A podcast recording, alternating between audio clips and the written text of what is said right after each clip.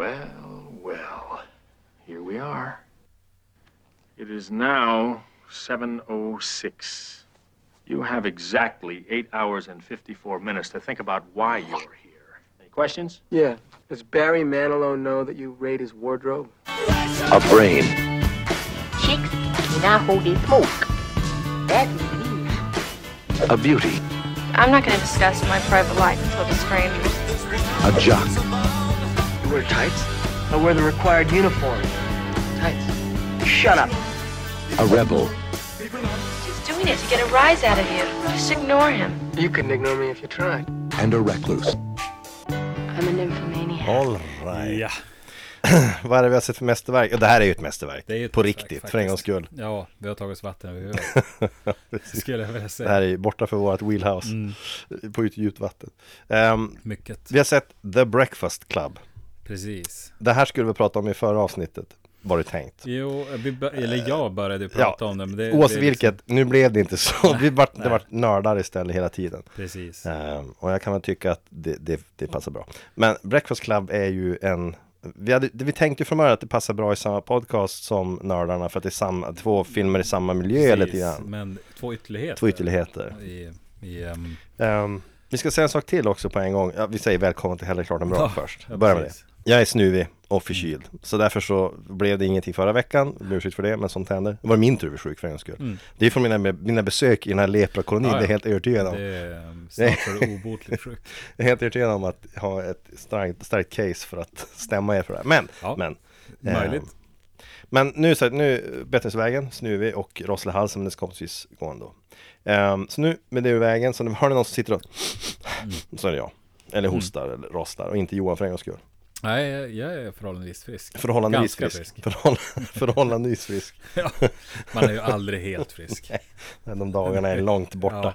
Eh, Okej, vill du, ska du, ska du Julia börja? Vi börjar kunde Ja, också gjort det du. innan. Okej. Det på. The Breakfast Club, eh, 1985, Mm. eh, gjord av Howard Hughes. Visst heter han John Hughes? Heter han, ja Howard Hughes kanske han, Det- skit, han Jag blandar ofta ihop honom med Ron Howard Nämligen, Kanske samma person. jag, Eh, jag tror att nej, de är han har gjort lika eh, Pretty in Pink, han har gjort eh, Han har gjort en hel och Han har gjort eh, drös med Ferris, eller Ferris Bueller's Day Off, Day ja, Off, precis. Som med också Matthew en, Broderick verkligen en, en Något vi borde 80-talsfilm. ta upp någon gång faktiskt, Ja, ja. jag såg om den nyligen Ja, jag har också sett om den nyligen.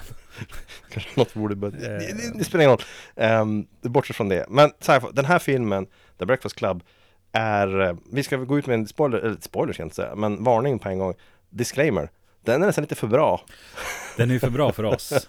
Vi är ju inte goda nog för den här. Nej, jag vet inte vad de har för betyg Men om allt, allt annat än, än toppbetyg är orimligt ska jag Ja, påstå Det, För att, det tycker jag också.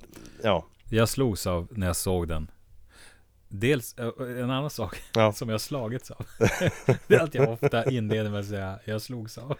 det, kan- det kanske gör Ja, jag gör det, det. det, hela, Dina dagar fylls av så här uppenbarelser Ja, ja. Du går är ut och bara, precis. ah, Åh, oh, solen gick upp idag. hoppsan Frukost idag också.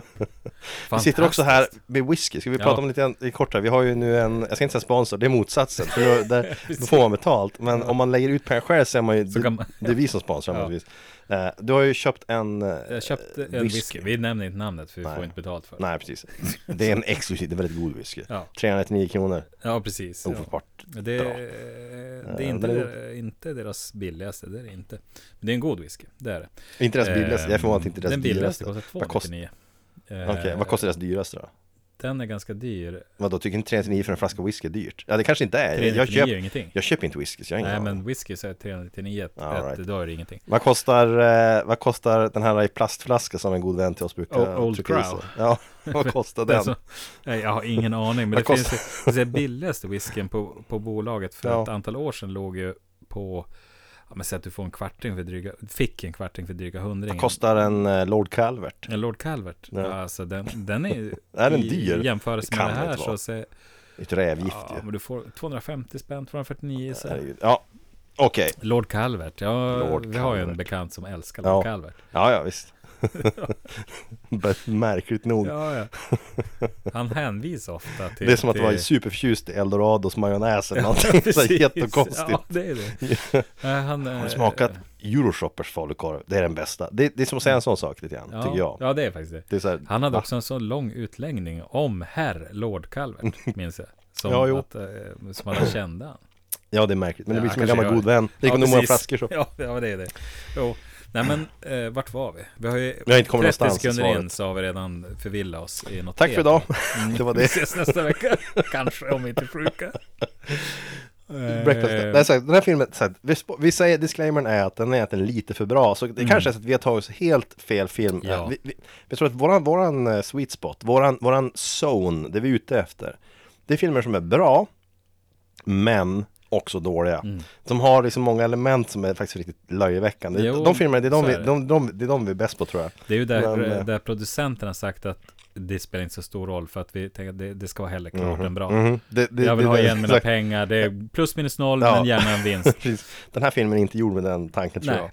Vad handlar då The Breakfast Club om? I, i korta ordalag. Vi hörde ju trailern här inledningsvis. Ehm, Jo, precis. Det här handlar om ett, ett gäng ungdomar ehm, som man tänker sig då går på high school. Där, tror de sista säger året, Sista ja. året, Ja. ja. sist, vi kan jämföra med sista året i gymnasiet. jag antar det, ja precis. Eh, och ehm, de har ju då av olika anledningar fått kvarsittning. Och kvarsittning är en sak som inte, jag tror för, förekommer ju aldrig när jag växte upp och det förekommer inte i skolor överhuvudtaget. Nej. Men i USA finns det fortfarande och det, det med detention, kvarsittning, att du, du, du får komma in en uh, En lördag lördag i det här fallet. Eh, och och sitta på skolan det, hela. Breakfast Club, alltså, namn, alltså namnet Breakfast Club kommer ifrån från Hughes, eh, en kompis till honom, Ja. vars eh, barn gick i en skola där man kallade just ehm, de här som satt kvar en, Mm. en helg då för The Breakfast Club. Jaha, det visste jag inte. Så att det är därifrån det kommer och, och det är en bra titel.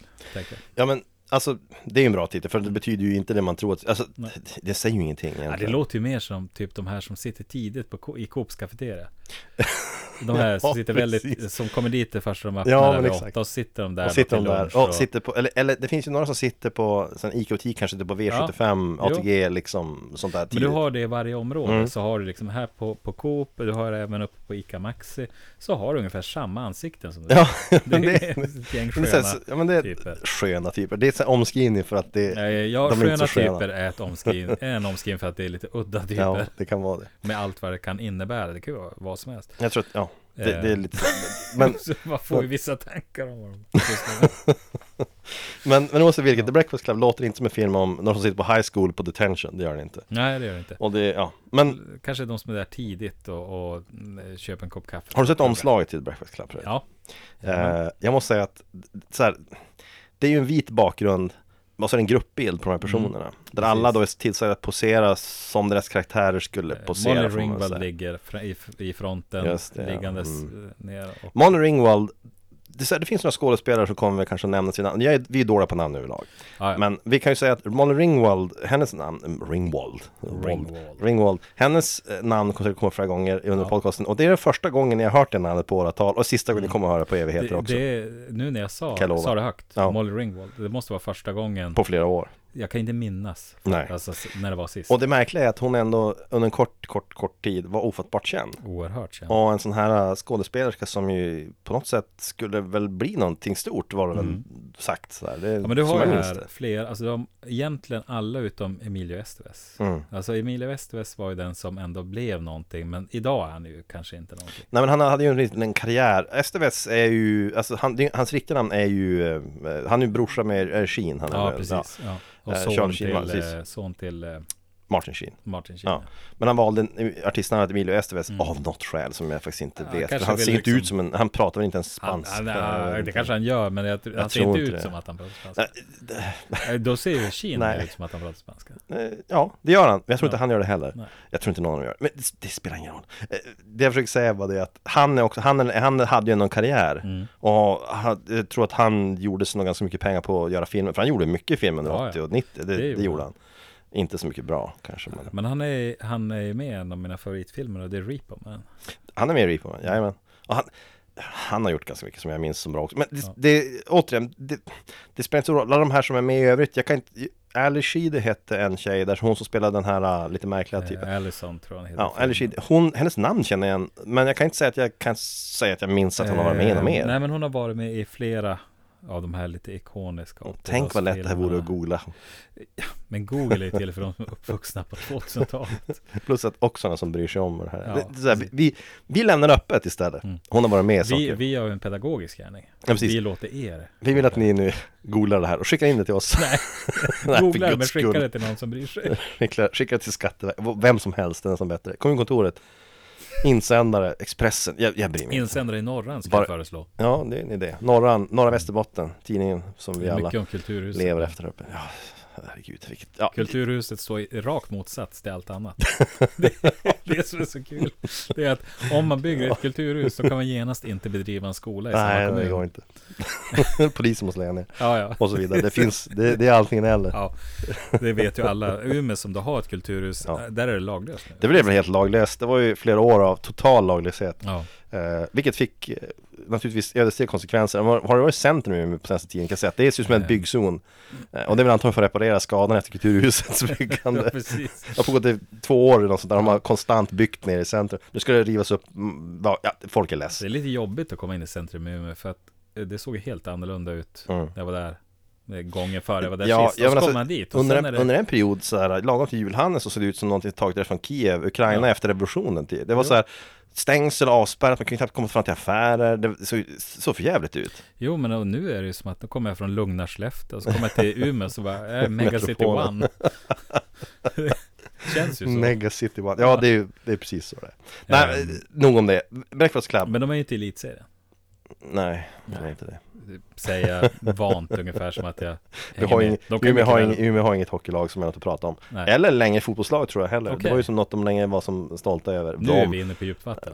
Nej, men jag för mig att folk har sagt det. jag, tycker, jag tycker att jag har hört det här. men jag kan ju- ha fel. Man ska ju hata Löven, det är allt jag vet egentligen. Som jag Björklöven, ja. Mm. ja. Nah, Det står nämligen på, på en lyktstolpe. Vet du vad som är konstigt dock? Alltså i Vilhelmina där jag växte upp Ja.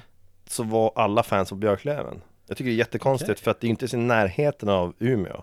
Det är ju, om du drar en rak, om du tar, om du tar en linjal och drar en rak linje västerut från där vi är Skellefteå, från östkusten, eller från, ja, från kusten här då.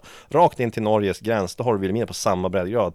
Okej. Men det, det är ju det är ju så långt bort så att säga. Det finns ju ingen Mm. koppling till Umeå. Men om någon dunken så gick alla runt med Lövenhalsdukar när jag var liten. Jag minns inte varför. Ja, och ändå är de inte elitserien. Nej, och alla hatade Solna AIK. Jag vet inte Ja. varför. Nej, det- Jag vet att jag också påstod att jag gjorde det. Jag hade egentligen inga sådana riktiga tendenser. Ja. Men jag låtsades ju hata Ja. Solna AIK. Jag var osäker på varför jag skulle göra det. Men det var som ändå viktigt. Jag hade också en Lövenhalsduk. Vilket är ännu mer komiskt eftersom jag ju inte har minst intresse av hockey. jag En som vi känner hade en Lövenhalsduk och han var tvungen att Eller han var inte, han blev hå- fasthållen och så brände de upp den Alltså Skellefteå support Men det är mer rimligt här i Skellefteå. Det är Ja, rimligt, ja, det, det är så här, det. är mycket, mycket rimligare här i Skellefteå som alltid har haft en stark hockeytradition mm. och alltid väl haft rivalitet med grannkommuner. Det är ju rimligt att man här har en negativ till Luleå Ja, ja. och till, till ja, jag säger Piteå har inget hockeylag att prata om, men, men Luleå och Björklöven och sådär. För Björklöven var ju elitserien och vann väl SM något Ja, år och ja. sådär. Men nu, jag förstår inte varför, varför man i Vilhelmina hade det. Nej jag Det vet finns Men det är lika oförklarligt som att när då Skellefteå vann guld här Mm. då Första gången på många år Mm. så Så var ju Började folk skrika hata Löven Ja, Och det dök upp klistermärken på, på lyktstolparna i Jättekonstigt. grannskapet där det står hata Löven Det jättekonstigt. är ju så roligt De hade ingenting med det att Nej, nej, göra. Det var inte det var Luleå. Luleå de. Så Jag tycker det är Jättekonstigt. som härligt. Man ska, Mycket märkligt. ja, man matas med att man ska hata Löven. Det finns så, Men- ja, fan, Björklöv är väl trevliga, det är ju vår och så här, men man Nej, får jag inte säga det högt antar jag. Nej. Um, Okej. Jo, det var breakfast club va? Eh, 14 minuter in, Ja. vi knappt Fan, är vi någonting. 14 minuter in Ja, jag redan? tror det. Eh, Okej, vi- låt oss försöka fokusera på det här nu. Ja. Göra vårt bästa, okej.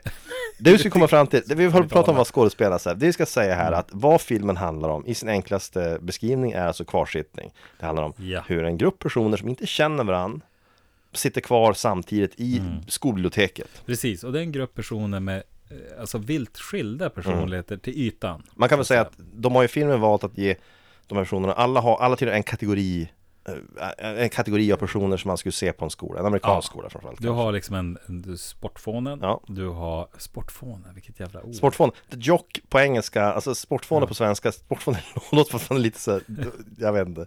Och vi har lärt oss från Men- nördarna ja. att vi har sportfånar och sexualförbrytare. så att, nej, men då, så Emil Esteve spelar en, sagt en brottare. en brottare. Mm. Och sen har vi Det är då också något som är ehm, stort i amerikansk eh, Mm. skola och som är helt obefintligt överallt annars Ja. i världen tror jag. Eh, i Sverige som har jag aldrig hört talas om. Brottas, det är ju liksom Att du ska få stipendie att gå på universitet för att du brottas. Ja. Bara det är ju, låter, låter helt påhittat tycker jag. Men det är också därför som de var så upprörda att brottning skulle försvinna från OS. Ja. För att det visar sig att det finns ju ett par länder som håller på med brottning. Det är då USA, jag tror det är Ryssland och Ja. sådär. Det är inte så mycket mer. Okej. Det är Östeuropa lite grann, men det, brottning är ingen stor sport egentligen i resten av världen. Men i USA av någon Mm. dunkel anledning så är brottning och konståkning superpoppis. Man kunde Jag varför inte det. fribrottning är med OS? Jag var jätteroligt. Vilket jävla spektakel. Fribrottning, Så vilket fruktansvärt spektakel Alltså det ska så vara. fruktansvärt svenskt, då kallar det för fribrottning. Mhm. Det är så här, när vi, Ja. när vi säger wrestling, Mhm. ja det är då, då tänker man såklart på den amerikanska Ja, brottningen. Hulk Hogan och company. Hulk Hogan, ja, Mm. ja precis. Och säger vi fribrottning i Sverige, det, det är att säga så här, ja, det, vi vill inte mena att det är påhittat, Nej. men det är helt fritt i hur man utför. Du gör vad du vill. Du gör det finns du inga vill. regler egentligen. Ja, ingen är vinnare eller förlorare. det är liksom, Ja men det är konstigt, alltså fribrottning är faktiskt, det är en konstig term för någonting som, för i USA säger de bara wrestling, mm. men alltså det är väl med en ögonblinkning och säger wrestling och så blinkar de med en ögon för att visa att, att det är inte riktigt wrestling. ja, Såklart, wink det- wink, det är på skoj. det är på skoj. Vilket man under 80-talet, en lång bit, eh, inte Mm. en lång bit, tog i, men en bit in på 90-talet liksom diskuterade. Ja, kan det verkligen? men så såg vi? Bruno på trean. TV3 hade ju en satsning och visade amerikansk wrestling på svensk TV med Hoa Hoa Dahlgren och Bruno någonting. Men Jag vill, jag vill säga Bruno Witzell, men det är ju inte Bruno Nej, det är. Bruno Witzell. Det det, varit- är det Bruno hade varit Svensson. eller- Otroligt otippat om Bruno Witzell. Mycket. Eh, Jag hör att någon inte stänger sin telefon. Oproffsigt säger han, Jag skulle tippa att det jag. kan vara någon av barnen. Något av barnen. Ska de smsa dig nu när du sitter, vi sitter ju i studiobunker. De kan gå ner och bara mer barn. att De kan ju valsa in här i kallningen som Ja, alltid gör. Det kan de göra. Och undra, vad gör ni för någonting? Varför sitter, varför sitter ni och pratar in i väggen?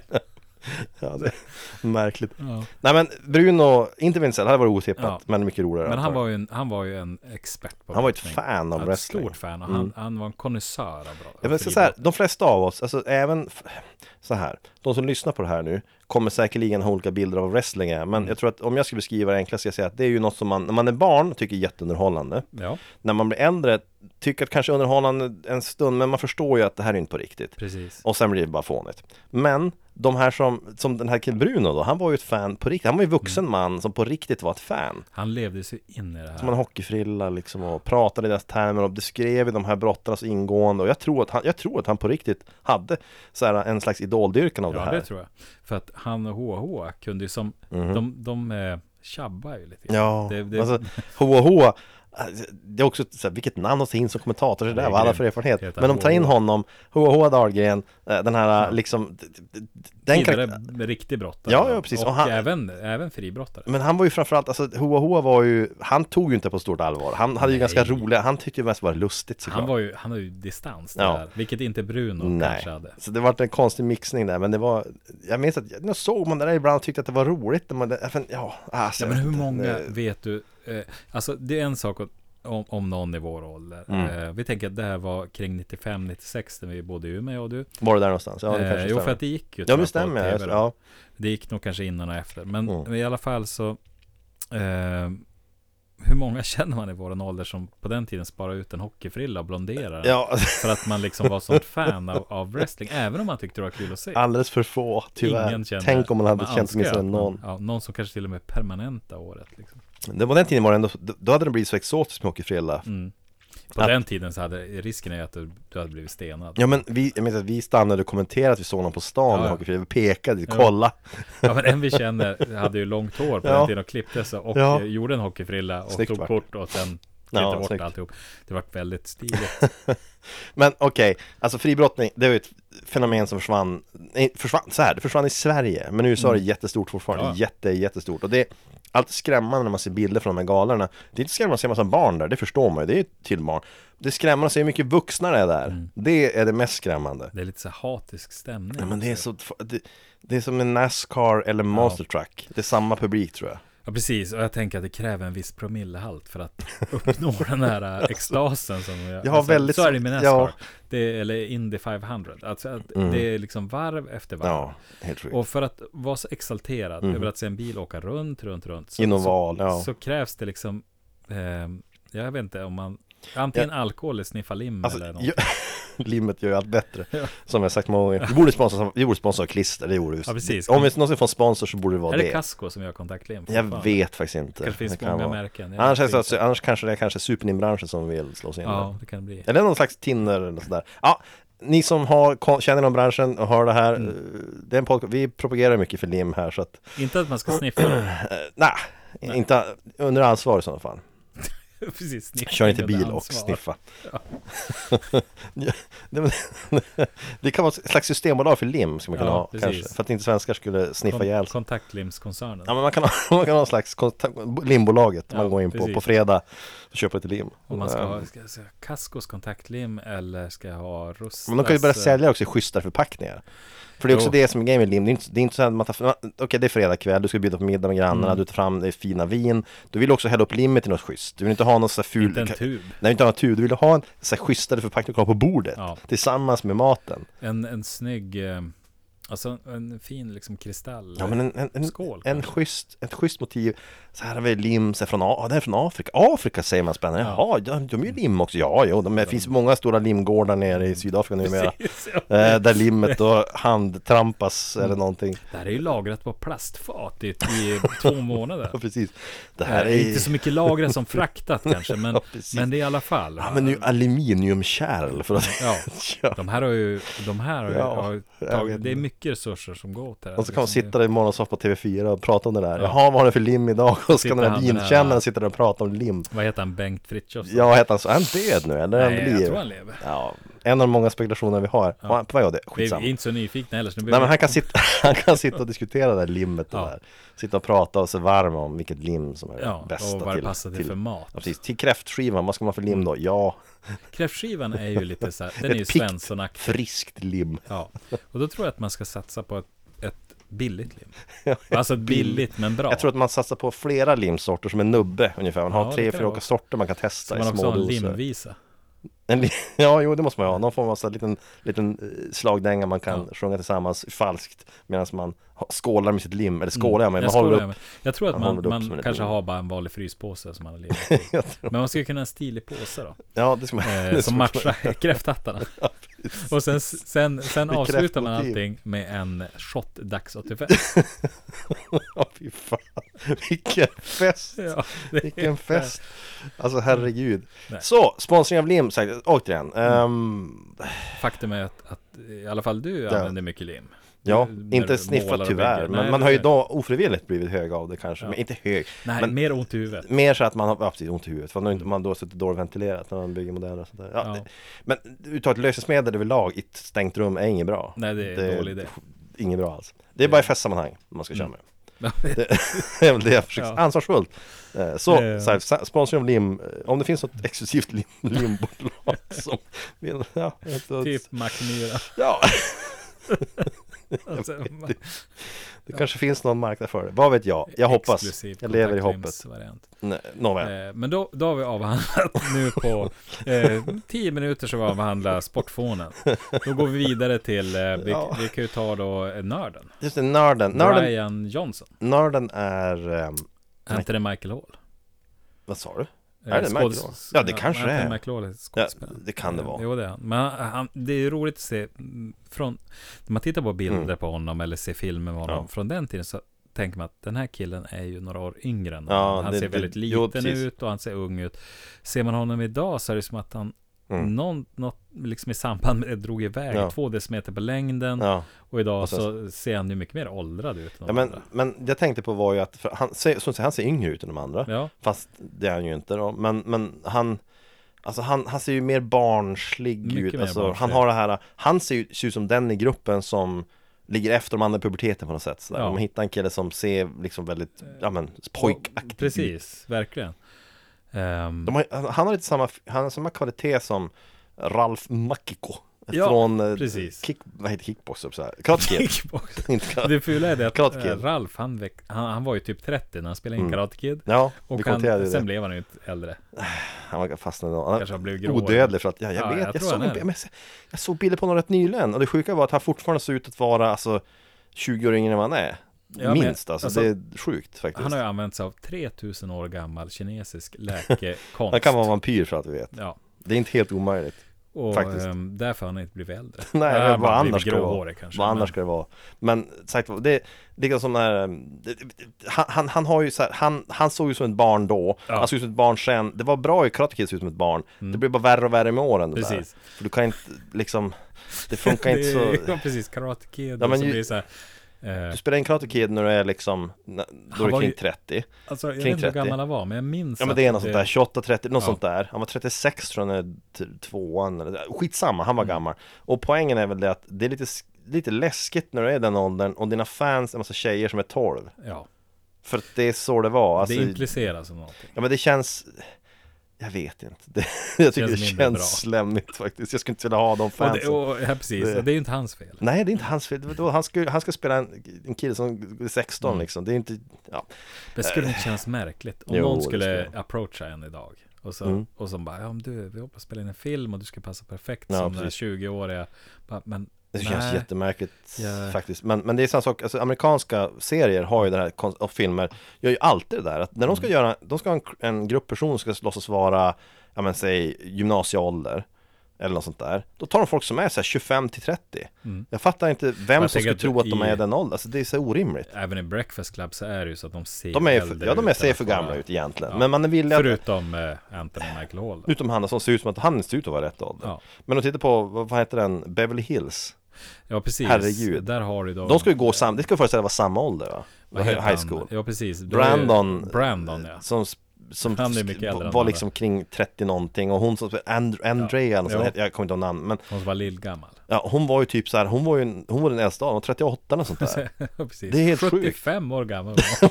Det är så sjukt! Ja, det är Man bara, vem skulle tro att hon är liksom 16, 17, det är helt, helt orimligt Eh, Den här killen, han spelar nörden här, han ser ju ut att vara rätt ålder i alla Ja, fall och han, han är också, han är ju helt rätt castad. Mm. Alltså han, precis som du säger, han ser ut som att han kom in i puberteten sent. Mm. Han, eh, han gör det jävligt bra också, som en lite sån nördig karaktär som Det är sådana gillar som att plugga. Och, Ja men en av de här som är superduktiga Ja. på allting typ Han blir lite socialt så blir han ju lite efter. Han är med i andra så här, också. äh, skolans liksom nörd, ja, nat- matteklubben Ja. precis Ja, de har ju bankett ibland. Så.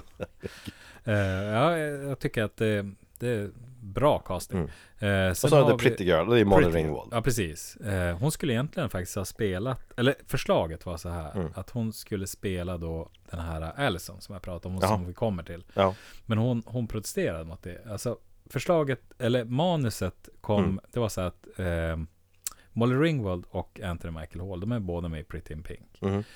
När den började vara mot sitt slut, alltså inspelningen, så kom eh, Hughes, som jag kallar Hughes nu, för jag är lite Ja. osäker på John Hughes och Hard Hughes. Men vi säger Hughes, då blir det rätt i alla fall. Eh, då Det kom han med manuset eh, Ja. och föreslog det till dem. Mm. Och och ehm, Molly Ringwald såg en intervju med hon tyckte det var, det var ju faktiskt det bästa hon läst. Alltså. ja, Ehm, men hon skulle spela en Allison, men ville ju inte göra det. Ehm, och hon, hon ville vara den här Snygga tjejen. Ja, precis. Alltså, så här är det. Nu ska jag säga något som är kanske politiskt inkorrekt. Det är kanske första politiskt inkorrekta vi har sagt här i den här sändningen. vi, ja, det kanske är det. Sändningen. I den, här, I den här podcasten. Vi har aldrig sagt någonting som någon kan ta anstöt av Men nu- ska jag säga någonting här som kan låta ytligt och dåligt. Alla som inte vet Alla som, oavsett om ni vet eller inte Googla fram en bild på Molly Ringwald från Breakfast Club. Mm. Och så fråga er Ser hon ut som the pretty girl? Svaret är nej Nej, hon, hon fyller ju inte... Hon är inte Jag skulle vilja säga attraktiv att- faktiskt så här är Hon är det. inte det Hon var inte det då och hon är inte nu Alltså, men ingen tyckte det då och ingen tycker det nu Det sa jag Alltså, Och det låter hemskt att säga det Men jag menar inte att hon är ful Absolut inte, herregud nej nej men hon fyller men- hon är ju inte normen av vad som i alla Nej. fall då var. För om vi ska säga att på den tiden, Ja, så det som är då den snygga tjejen, mhm. det är ju det vi också skulle ha valt till Lucia. Ja, ja men alltså Det vill säga att det, det ja, men ett det, blond, ja, eh, och då kan vi kolla på ehm, Re- Revenge of the Nerds istället. Där har du ju den typiska Ja. 80-tals, och egentligen idag också. ja den typiska Typiska 80-tals snygga tjejen Ja men visst, alltså, då har de här foto, liksom Vad säger man, vackra Ja. Alltså personerna sådär Mm. Men alltså Molly Ringwald är inte så, alltså, åter, jag, jag säger inte det här som värdering Hon i är övrigt. inte alltså, det typisk, menar- hon är egentligen jag, jag tycker inte att hon, fyller passar som normen Men hon är en att jättebra skådis i den här filmen Så jag ska inte klaga över det på något sätt Jag menar bara att hon spelar ju, tycker jag alltså, I trailern så beskrivs hon som the pretty girl mm. Hon borde vara the rich girl För egentligen det, hon är den rika, lite Ja. bortskämda, den populära tjejen Och det kan hon ju fullt möjligt vara Ja. naturligtvis Vilket kan, är kanske det som gör rollen trovärdig också. Ja visst Därför att Och- det, är- det, det är ju så, när man- allt knyts ihop Ja. så, så handlar det om det. Men alltså jag finner henne inte attraktiv, vi säger så, i den här filmen Nej. på något sätt det, det, Men du hör hur jag kämpar för att vi ska vara politiskt korrekta. Ja, jag det är hör så det. viktigt för oss att Där vara klipper vi bort Ja, precis. Det klipper bort. Ehm, nej, men då, vi kan ju gå vidare till en. Det är limmet som talar. Ehm, här då. Alltså, Ali Sheedy, hon som spelar den andra kvinnliga, det är Ja, två precis. kvinnliga roller med här och det är en, en mer, eller alla karaktärer i den här filmen fyller ju en viktig roll. Alla är en arketyp Precis, de är en arketyp. Ehm, när vi kommer till Allison så tycker ju jag att det här är en karaktär som när jag såg om filmen nu så tänkte man det här är inte så jävla typiskt 80-tal. Mm. Det är mer aktuellt idag. Ja, hon är ju en person med psykiska problem Ja, en, något som vi alltså, pratar om mer idag.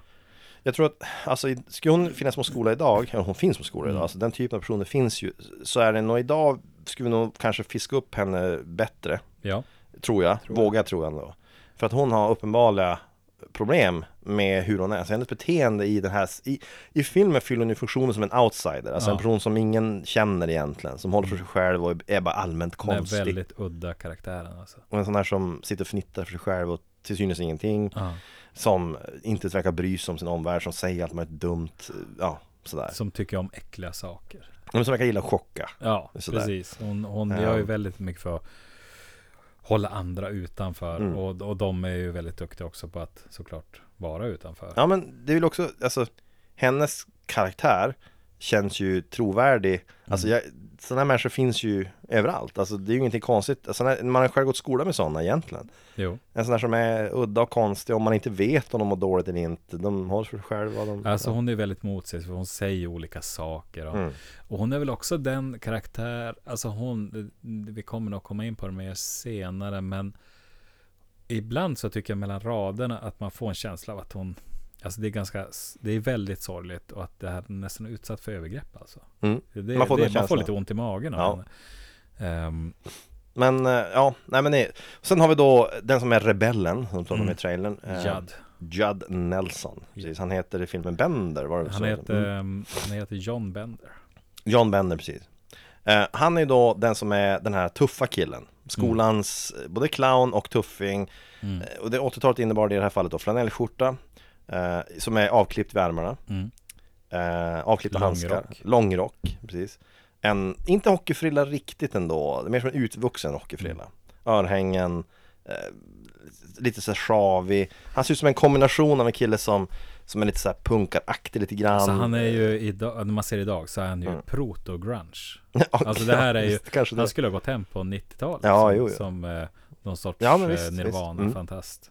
80-talet så var han, alltså en, en, en ligist är fel att säga för han är lite för städad för det Men Mm. han är ju någon sån här som Man känner direkt man ser honom att den här killen har inga bra betyg Precis. Eller bra närvaro Mm. det, det är väl det man känner när man ser honom Han är ju den också som eh, har, alltså han, han har alltid en, en comeback-replik på allting sarkastisk som vuxna eh, ja, kastar på honom. Sarkastisk och eh, Ja men kvick att, att komma med förolämpningar kan man väl säga Mycket, och bra förolämpning. Alltså han Mm, är ju ja. jävligt duktig på duktig. det.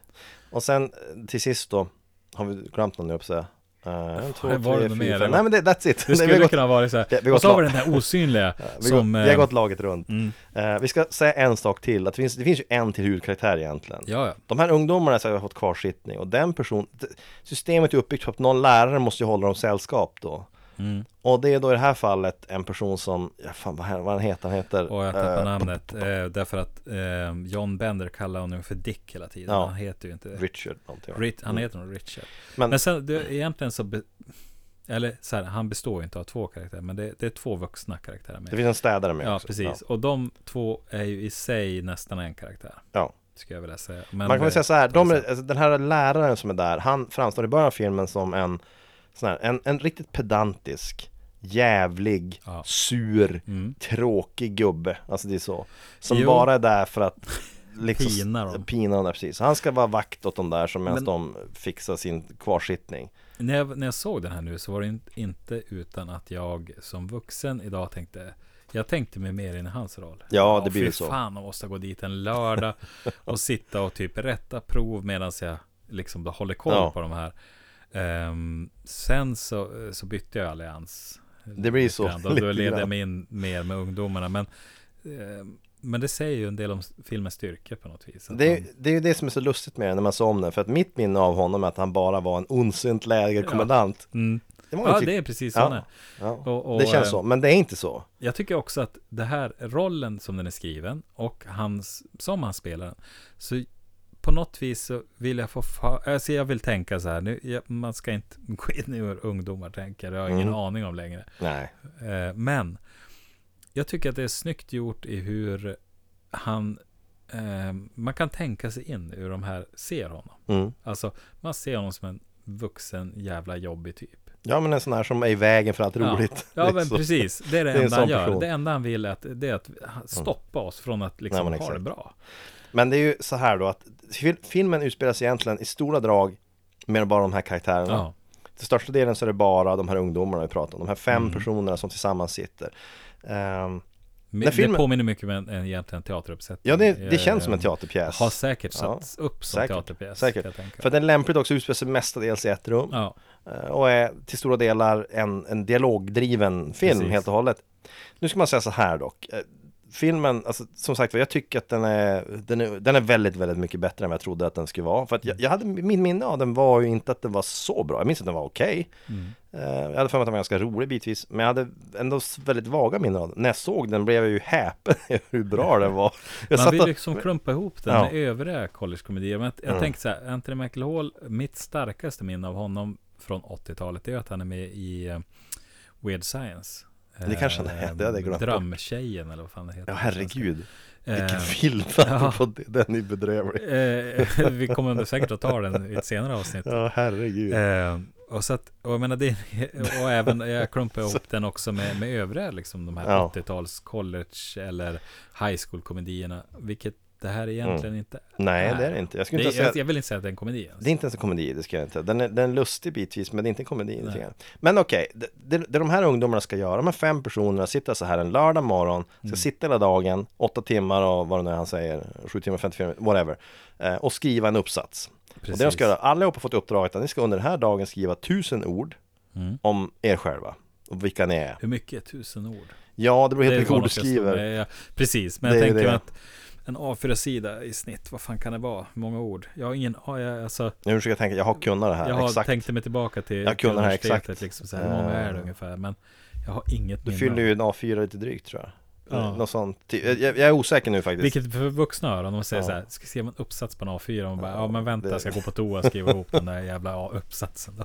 Men, men, Ja, jag tänker mig men. att, att som eh, 15 till 17-åring höra det. Skriven för hand med blyertspenna. Det är ju liksom, det är som att, ja, skriva en avhandling. Men men när filmen börjar så är det så att de här ungdomarna, de känner inte varandra, de är inte bekväma med varandras sällskap och de ska skriva en uppsatsen. Den här onda lägerkommendanten ger Mm. uppgiften och säger det att jag kommer tillbaka hit om ett tag, det ska fan vara tyst här. Han ställer hårda regler. Ja, det är så här, ni får inte prata med varandra, Nej, ni får inte ställa er upp, ni får inte göra ett skit i nej, princip. precis. Eh, ni ska bara skriva den här uppsatsen. Eh, regler som jag tänker att en vuxen kan dra iväg, Ja. helt jävla orimliga. Det är orimligt. Han skulle lika gärna säga så här att jag kommer komma in en gång i timmen och sk- och s- då ska det stå i vakt. Precis.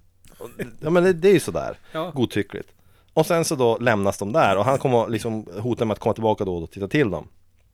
Men det, han hinner ju knappt lämna rummet innan då, såklart, den här Bender, Bender. ja precis, den här rebellen. Han, Han, som börjar, idag skulle haft ADHD. så. ja, det- han har säkerligen ADHD-diagnos. Eh, På den Han, tiden. han kan ju inte vänta på att sortrummet stängs liksom, så då sätter han igång och börjar apa sig, så är det ju.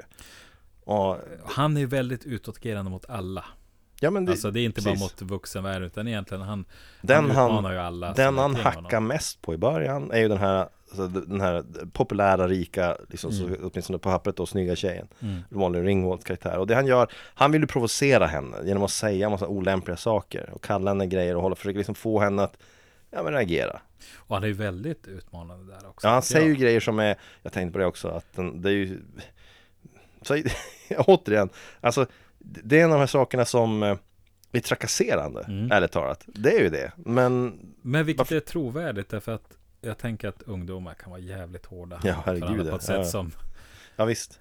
Och det är ju det är sådär, och i början så folk, det är det här klassiska de känner inte varandra och känner igen varandra men känner inte varandra.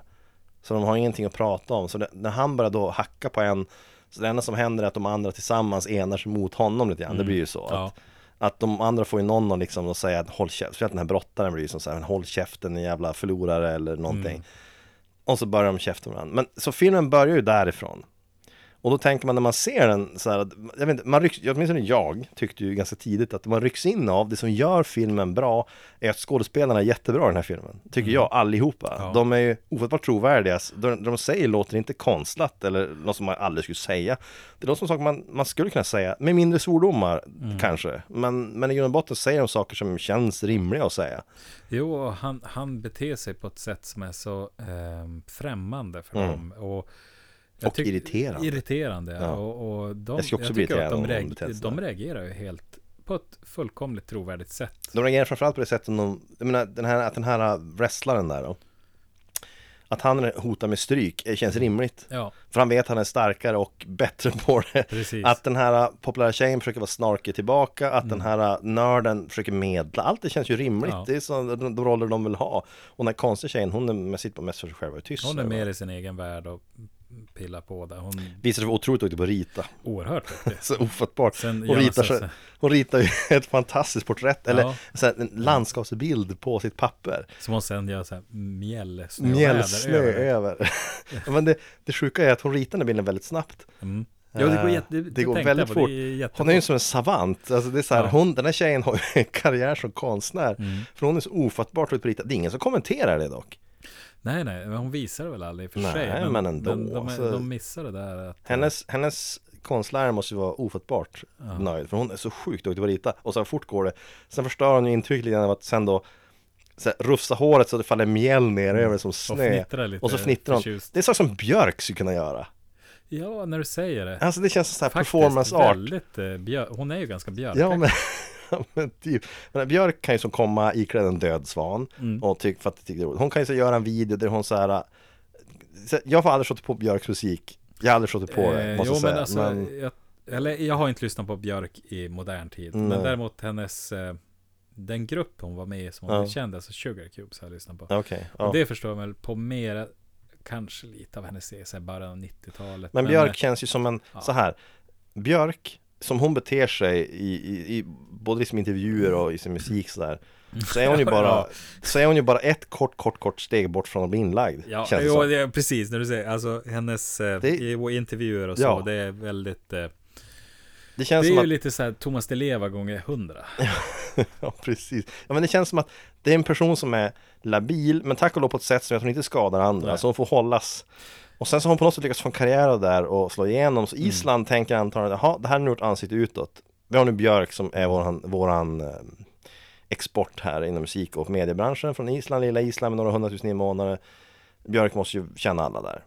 Och nu tror de att alla vi är som Björk, tänker jag. Och så blir de oroade. Det, det Ja, är men så. de är samtidigt så nöjda över att det här var ju, i och med att hon kan försörja sig själv så var det pengar att spara istället för en sjukpension. Men kan du tänka dig, tänka dig Björk, hon kan Alltså hennes intervju, de intervjuer jag har sett med henne det alltid framställts som att hon alltid på, hon är på, hon är precis, hon står med en fot i den här världen Mm. Den andra foten bortom vansinnets rand och liksom balanserar på någon slags, Ja. någon slags gungbräda Som när Jo, som ja, helst det- kan det tippa åt ett håll, det är så det känns Ja, det är det är hon och typ Freddie Wadling. ja, för, för det, var, det ju mer av en tragisk person Ja, han var ju det. Björk känns ju mer som att när hon väl tippar över, det kommer bli hilarious Ja. Det kommer bli underhållande för alla Ja, inblandade Wadling, han troligtvis kanske, han hade nog redan tippat över. Han var ju ganska mörk i sin personlighet. Ja. Thomas Di Leva visade sig ju vara misshandlare av kvinnor, så han var ju inte heller trevlig. Fast äh, vad är han det? Ja, det- jag, det jag har inte riktigt som tänkt jag förstod det var det så. Jo, jag har Som jag också förstått det så. Ja. Det är en kan- märklig historia. Han kanske är fortfarande en Jesusfigur. Ja, jag vet ju inte om det är så, men, men så här. Jag känner inte Thomas Di Leva, Nej, så jag- jag, jag vet inte inte. Jag vet inte om han är dömd ens, men jag vet att det var ju Nej. prat om. Jag, jag hänger inte med Thomas Di Leva-nyheter. Hans, den här, hans fru då, som mm hon är ju ståuppkomiker bland annat. Ja, det kanske Eh, och, men hur det där artar sig sen, det vet jag inte. Men jag tänker, vi har andra sådana här som har försvunnit ur folkmedvetandet som eh, Mm.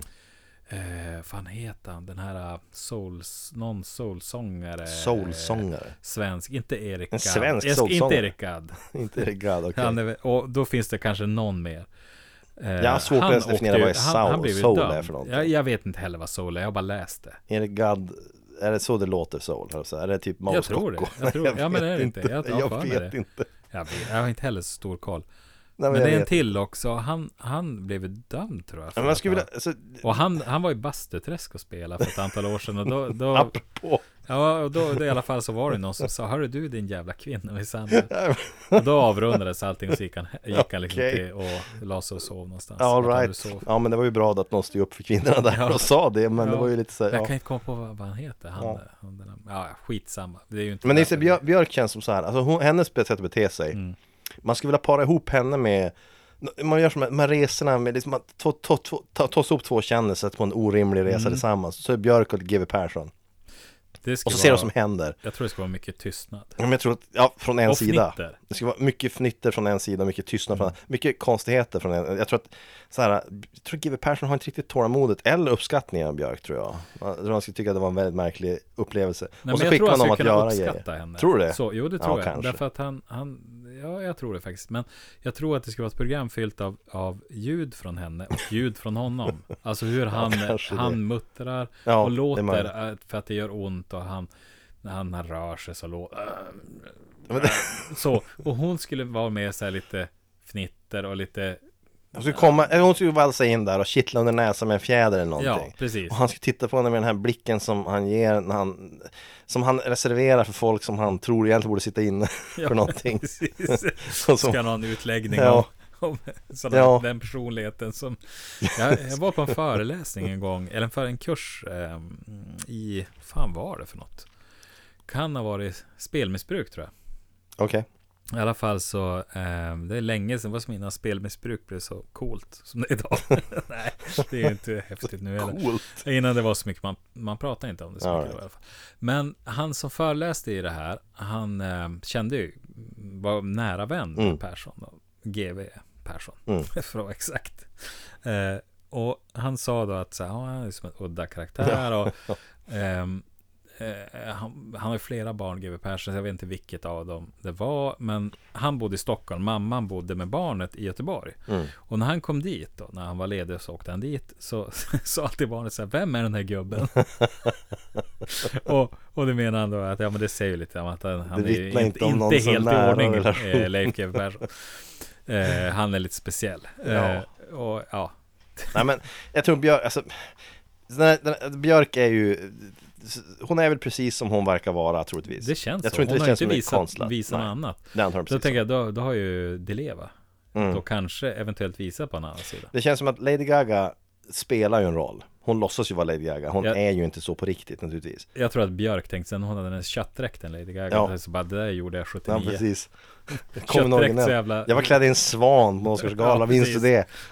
Ja, Gud, du vet inte vad du pratar om hade en dyngtrast på Ditt, huvudet. ditt djur hade inte ens kvar huvudet Ja men det känns, alltså det känns så att, att, att just Lady Gaga känns som att det är en persona hon har lagt det till med för sin show Det är och mer sin artist genomtänkt där. Ja. Alltså det är ganska mycket Det som Madonna speciellt, till speciellt exempel. om man ser intervjuer med Lady Gaga innan hon var Lady Gaga Mm. Då är hon ju en helt vanlig person på alla sätt och vis Och sen Ja. så blev hon Lady Gaga och då genast så blev det en grej att hon ska vara Mm. udda och säga konstiga saker Och vara klädd lite Det ser ut som att hon har ramlat in i någonting sådär Ramlat in i ett slakteri. Nej jag såg några bilder på henne när hon kom Det ser ut som hon ramlat så här, så här. Om du springer i ett rum du, Mm. så här, du hänger upp eltejp i rummet Ja. Eltejp med klistersidan liksom åt ditt håll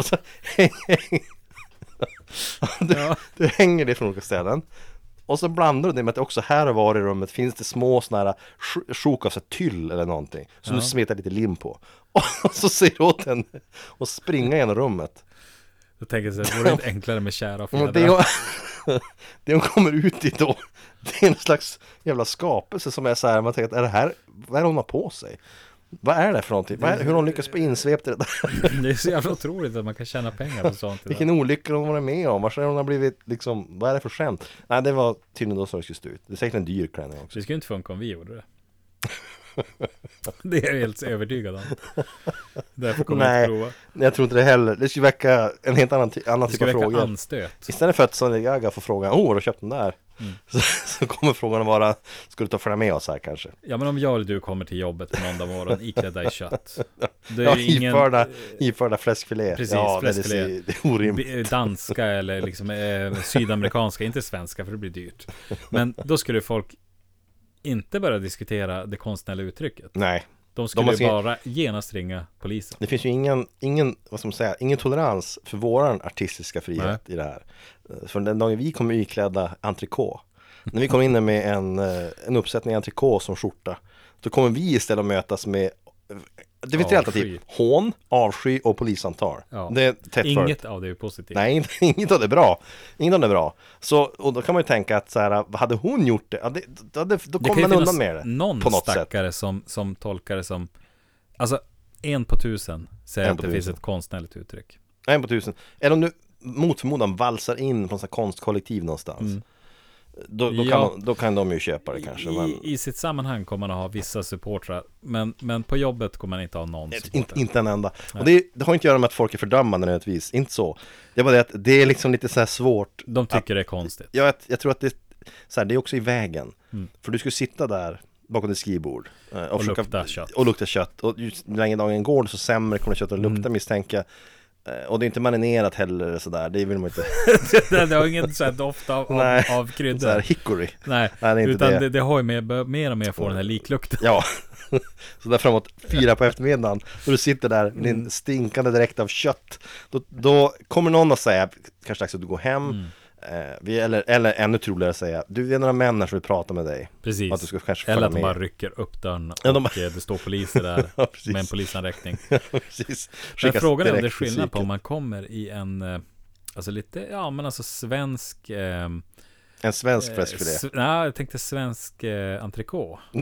eh, Och ska det vara lite lyx, lite bättre Eller kvalitet ox, oxfilé till och med Mot eh, en, en billig fläskfilé Eller kanske till och med en billig jag vet, inte om, kyckling jag vet inte om folk accepterar, alltså, det är svårt att säga om de skulle diskriminera det baserat på köttsort här. Mm. Jag tror att det, jag tror det, det som är problemet med det i stora drag, om man ska, vara, om man ska liksom försöka hitta det, kärnan i problemet, så är det det att det är rått kött. Det är oacceptabelt. Jag tror att det är det som är oacceptabelt. Jag tror att du kommer undan lättare med morötter, Det gör man då Det är känns svår- fräschare. eh, Absolut svårare Det känns med, med räkor sill. Ja, men tänk Inlagd sill. det lukta Ja men herregud. Herregud. Eh, så jag tror man ska, eh, man ska inte ta djur från havet. Nej, inte som klädesplagg, det tycker Nej. jag inte. Det tycker jag inte. Det är orimligt att du ska ta någon slags mat egentligen överhuvudtaget. Ja, man ska ska, göra, Mat ska vara mat. Jag tycker det. Ska du göra någon form av eh, pullover Ja. i något material? Förlovet med turtleneck. Ja.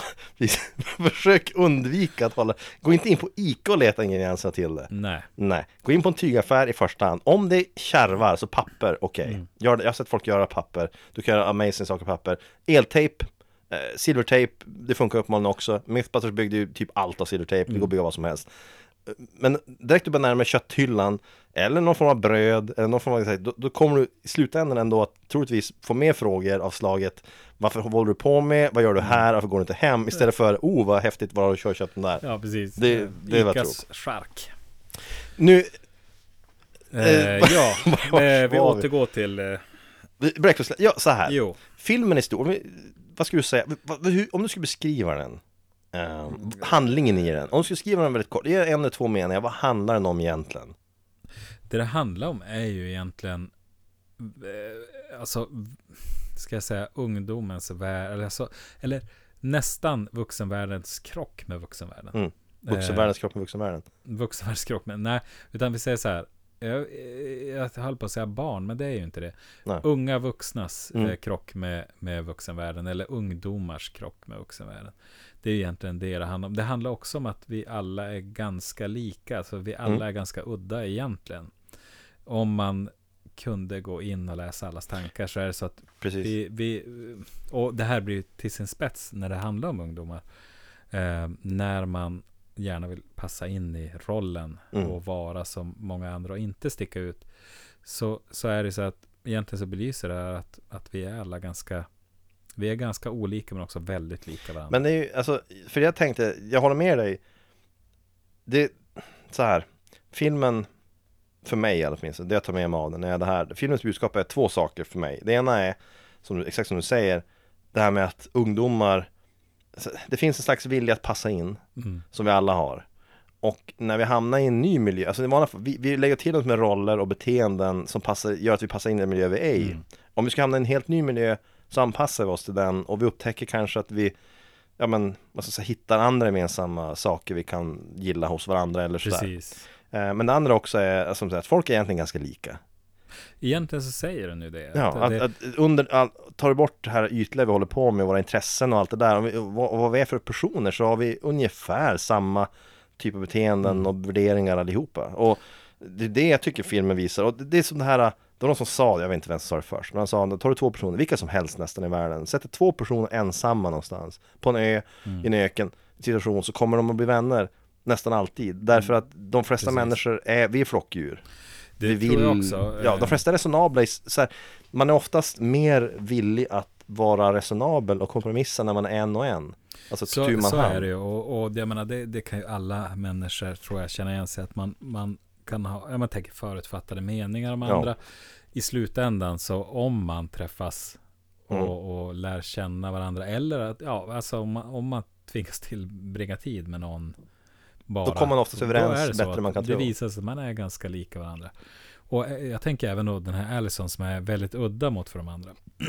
så är det så att egentligen är det nästan att hennes beteende det är andra sidan myntet på något Mm. vis. Att hon, hon har, alltså hennes svårigheter att passa in eh, blir så extrema så att hon väljer att ställa sig helt utanför. Mm. Eh, men, men det är fortfarande så att i grund och botten så är hon bara en vanlig ungdom egentligen. Men det är väl en sån här typ Typisk situation där du har en person som är kanske rädd för att bli utstött Mm. Och därför lägger sig till med en beteende som antyder att jag Man- vill, jag vill ändå inte vara med Precis. Det, det är ett, skydds, exakt jag skydd, ett skydd mot att bli liksom, ja men utkastad Att helt enkelt Ja. inte någonsin gå med Ja, det är lättast att ställa sig utanför än bli placerad Mm. utanför. Ja visst Men sen alltså det Filmen utspelar sig i det, där, i det biblioteket Ja. mestadels Och genom dialog med varandra så börjar karaktärerna inse De, de är ju inte vänner Och det tar ju lång tid, de, de har ju, framförallt har ju då den här sportsnubben Väldigt, väldigt svårt att tolerera den här rebellen så att Mm. säga Därför att den här, allt den här sportsnubben gör, han, han han, han hotar med våld hela tiden Mm. som en slags liksom, om du inte gör det här så håll, håll käften annars så och så vidare Mm. Medan den här rebellen, han tar inte det. Han, liksom, han käftar emot hela tiden. Fortsätter ju Han är att ju lite konstant... rapp liksom där. Ja. Och, och, Och det märks ju ganska kvickt att den här snubben som bara är bra på att brottas, han är inte så bra på att svara för sig liksom där, så han blir frustrerad och bara Mm. blir irriterad. Medan då den här liksom populära Molly Ringwald-karaktären, hon blir lite intresserad av honom, den här rebellen, för han är så annorlunda från hennes Mm. hemmiljö. Ehm, för att hon är van vid att hon, allt ska vara perfekt hela Precis. tiden. Hennes föräldrar kräver att allt ska vara jättebra. eh, jo, och, och där är väl, alltså den som blir drivande i det här dramat, det är ju John Bender, Mm. Judd Nelson. Han är ju den som hela tiden då utmanar de andra, vilket för det framåt. Mm. Som de tvingas liksom att, att konfrontera honom, de tvingas att svara upp på det han säger. Ehm, och framförallt också så- reflektera över sig själva. De, de uppfattas ju, uppfattar honom i början som en douchebag, en allmän så här jobbig snubbe sådär. Men med tiden så han, han visar sig vara villig att ta, ta smällen när, Mm. när de tillsammans gör någonting dåligt Ja, och de inser att de kommer åka dit och den här läraren kommer bli svinarg. Då är han villig att själv ta smällen för, det, för de andras Precis. skull.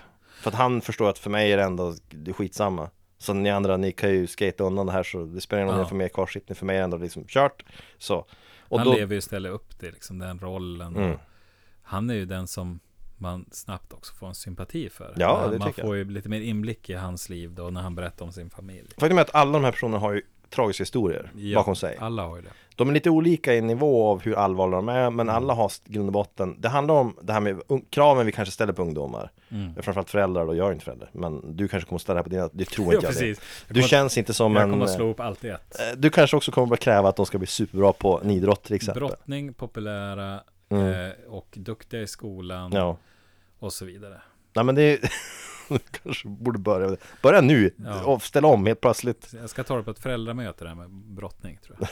Jag tycker Varför det inte representerar. Nej men alltså, för allihopa, den här brottaren har en enorm krav på sig hemifrån, hans farsa, det gäller Mm. bara att vinna, vinna är det enda som gäller, han får aldrig beröm Alltså, han får kvarsittning för att han Ja men han, han är taskig mot en annan unge på skolan, Mm. inte för att han själv vill det, utan för att han tror att hans farsa vill det Precis, jo, och det är så, så sjukt Ja, att tejpa ihop det, jag tror inte det, skinkorna. jag tror inte det ens där. Nej, jag tänkte också på det. Hur, Alltså hur fick de ihop Ja. det? Men han- då, bekymret var att den här snubben var så hårig han som blev ihop den. Men hur, Alltså. ha, alltså, jag kan inte förstå hur det ens logistiskt fungerar, det han gör. Han säger att han tejpar ihop skinkorna på Mm. någon så illa att, det liksom fastnar, gick inte att få loss nästan och han har väldigt hårig, men, men okej, till att börja med, jag har dels aldrig sett någon som är så hårig på skinkorna så att det, det, det har jag aldrig har i sett. alla fall slag, aldrig slagit ihop det med silvertejp. Gå ihop med liksom, gick han på skolan med orangutanger? Vad är det frågan om?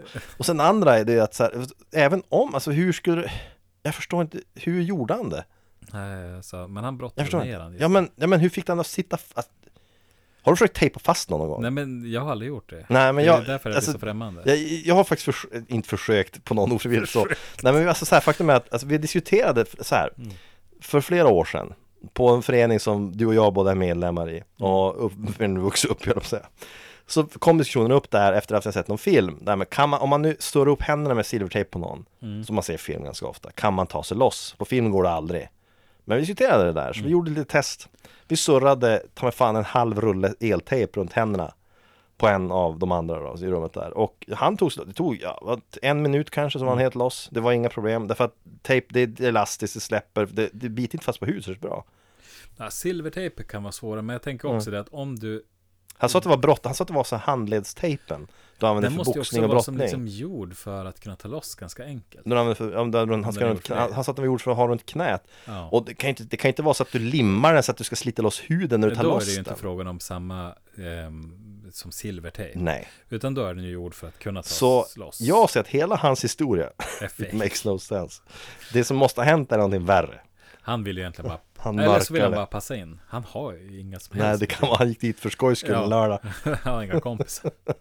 och söker upp den här kvarsittningen utan att den egentligen behöver vara Ja, där. vad ska man göra lördag, söndag? Men ja, kanske man börjar hänga på kvarsittningen. Ja, men var det inte det? Alltså för att den här tjejen, hon som är liksom udda, den här Mm. udda fågeln, hon som är mjällkonstnären. Ja, Hon säger ju det på slutet att hon, hon, fick, hon, fick, hon, hon inte hade kvarsittning. Hon hade väl inget bättre för sig som gick dit. Det kan ju inte stämma nej, naturligtvis. hon, hon säger också Men- att hon hittar på mycket. Hon är mytoman och eh, sådär. Och Ja. Eh, nej men eh, brottaren, alltså han blir ju, han är ju så att han, han har som ingen egen vilja säger han. han. Gör som han blir tillsagd och han vill ju vara, han vill egentligen att hans farsa ska då tycka att han gör något bra och, och Han söker ju bekräftelse han far, söker, det gör väl alla. precis, jo. Och den här, så här, den här Molly Ringwalds karaktär, den här perfekta tjejen Mm.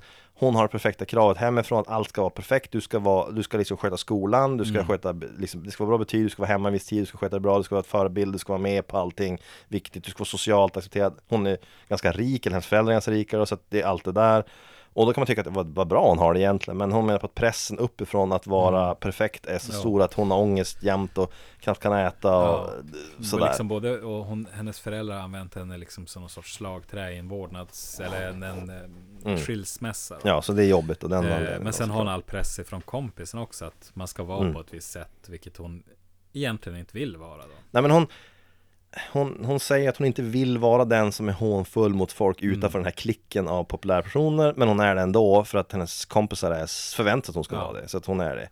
Och sen har du då den här mattegeniet, den här nörden Som har som press hemifrån att vara perfekt på betyg. Alltså han, han får ett betyg som är ett under, alltså det som i Sverige skulle vara bara ett under högsta betyget Och han blir helt, alltså han får självmordstankar.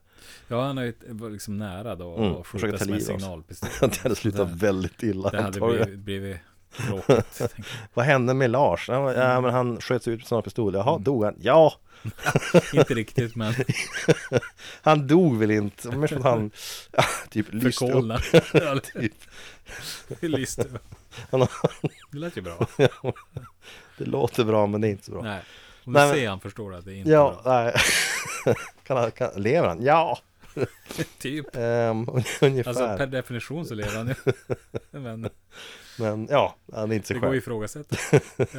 eh, jo, alltså han, han har ju, och det, man kan säga att filmen inleds med att man ser då hur alla utom ehm, Bender Mm, blir skjutsade till den här kvarsittningen. Och då får man ju se deras interaktion med föräldrarna. mm, Det, där man får en känsla också för vad som Precis. kommer att utspela sig. Och hon, eh, den här udda tjejen, hon blir som bara ignorerad. ja. Eh, han, eh, mattenörden här, han, han får ju någon liten avhyvling där om att nu Mm. jävlar gör du det här bra. Liksom. Ja, ja, alltså det, är så det, det är också ganska, jag tänker det sätter lite stämning där. Ehm, Men det är också, alltså en Bender, alltså han, ja men Han ligisterna. Bell- han kommer bara gående, drivandes. Hans hemförhållande är precis som man kan förvänta sig. Ja. Han har alkoholiserad liksom farsa som slår honom. Eh, han är uppvuxen med våld i hemmet, han är uppvuxen med allt, allt där, all den där misären som finns överallt Mm. naturligtvis i, i, i länder där de har någon form av alkoholproblem, höll jag på att säga. Vilket det- är alla. Ja, precis. Exakt. Jag tänkte, Nej, det finns kanske något undantag någonstans, jag Ja. vet inte, men jag tror inte det. Men så här, den här han, man förstår precis vad det är för typ av karaktär. Så hans problem är det lättaste att identifiera när man ser honom. Man förstår att han kommer dåligt hem, det Ja. kan man ju räkna ut. Medan de andra, det är mer under ytan, men de har ju alla, det de vill visa i filmen tror jag, det är att all, det är lika jobbigt fast av olika anledningar. Jo, det är det. att- att, Precis, jag tänker också att, att man lyfter fram det som man inte tänker om andra människor. Mm. Eh, kanske framförallt i den åldern att man tänker att alla, alla andra, eller många andra, har bättre än vad jag har. De, Mm. de, det går inte att dra på samma tankar. Mm, precis. Men det, gäller, det är ju en livsläxa på ett sätt också. Det för, är att, det. för att oavsett vart du är i livet så kan man ju ofta, man, de flesta personer tror jag går automatiskt och tänker när man själv tycker någonting är jobbigt att tänk om jag ändå hade det som si eller så. Mm. Det verkar ju alltid Jo, bra. Men, men men, det- sannolikt så är det så att de allra flesta människor oavsett hur perfekt miljö du har så kommer de aldrig vara helt, alltså det kommer alltid finnas någonting som är dåligt i deras liv också. Mm. Det kan vara minst lika jobbigt även om det inte ser ut så från utsidan. Ja, men det blir ju Det är som, precis, jag tycker det är av det, en, en bra tanke att ha Ja. med sig. För att det, fan, det finns väl ingen som har helt jävla perfekt naturligtvis ständigt. inte. Och sen är det ju, men filmen, det som gör den så bra i mina ögon i alla fall, det är ju framförallt dialogen, hur, där, hur, hur de här personerna tillsammans går från att vara Mm. totala främlingar till att anförtro sig åt varandra och till att bli vänner i slutet. Ja, Är ju, känns naturligt. Det är det jag tycker är så otroligt, man lyckas få, få det att kännas som att det här är inte, det här det, Det här är ju- skulle kunna hända Precis. faktiskt. Det är klart att det går ju väldigt snabbt när man ser en film på en och en halv timme som utspelar sig åt åtta timmar under den tid de är. Men när man ser det tänker man sig, men vad fan, vad skulle det här kunna hända? Ja, och när man tänker sig tillbaka när man var i den åldern. Ja, man- det man knöt band möjligt. ganska snabbt, alltså. Väldigt snabbt. Man ska och- läsaktigt. Precis. Som en slampa. Nej, så var det ju inte. Lite så, ja, men, man, Nej, men alltså det, man, jag tänker som ungdoms, det går ju snabbare att, att så att säga knyta de här banden. Eh, det är också snyggt skrivet i och med att det blir ju den här John Bender som blir knutpunkten i det, som faktiskt är den eh, katalysatorn i det här på något vis. Utan honom hade det aldrig hänt. Utan, Nej. Då hade hade de varit- bara fortsatt med sina, va- Ja. i sina vanliga hjulspår. De hade suttit Knappt pratat, precis. Ja. Han är den enda som vågar någonting annat och provocerar de andra att Mm. tänka utanför ramarna och tack vare att han är så odräglig mot dem i början så vågar de ta steget ut sådär. Ja. Sen så glamoriserar filmen också eh, Mariana. Eh, jo, ja det gör det. Eh, jag, alltså, kring det så jag har tänkt fram och tillbaka på det och, Mm. och utan att gå in på det i sig så tänker jag att egentligen kan man se det också som ett dramaturgiskt grepp. Alltså tror också- någonting som är förlösande i Det det, här mer- som gör att eh, Det blir en situation där de, sagt vad, en, den här Bender har ju Mariana i sitt skåp. Ja. Han, tar fram, han tar det med sig till biblioteket och, och ja men ser till att all, efter alla blir höga, det är då de bara slappnar av och. Ja. pratar med varandra. precis. Det känns ju så här Jag tror att någonstans längs vägen så tänkte säkert regissören och manusförfattaren att så här, ja men Hur ska vi se till att de har en anledning att öppna upp sig för varandra? Mm. Ja men om vi introducerar den här drogen, de har redan mjuknat lite grann Ja, De kan nu antagligen titta och prata och skratta, men hur ska vi få dem att ta steget att anförtro sig varandra? Mm. Förutom att det känns jättekonstigt på film ja, Ja men vad är Amerikanska high schools är fulla av marijuana på ett sätt som inte har varit i Sverige tidigare Mm. Precis. Alltså vi har aldrig haft den mängden i Sverige på något Eh, sätt För oss 85 och se det så hade det varit orimligt. Ja, helt Man tänker sig att man ska göra något sånt. Jag hade en så solkeps med liksom det stod så här eh, någonting med anti-cannabis eller liksom så här överkryssad cannabislöv Hade du, hade jag när jag var tio. Det löste problemet Man du, kan ju tack, diskutera det. tack vare det så blev det ju aldrig någonsin marijuana i Sverige Nej, nej. nej Först nu när du inte har den här kepsen Nej, alltså. Får du fundera på att få kepa när Ja, jag går jag ut på önskar stan att jag hade kvar den där. Som jag tar på sig ibland.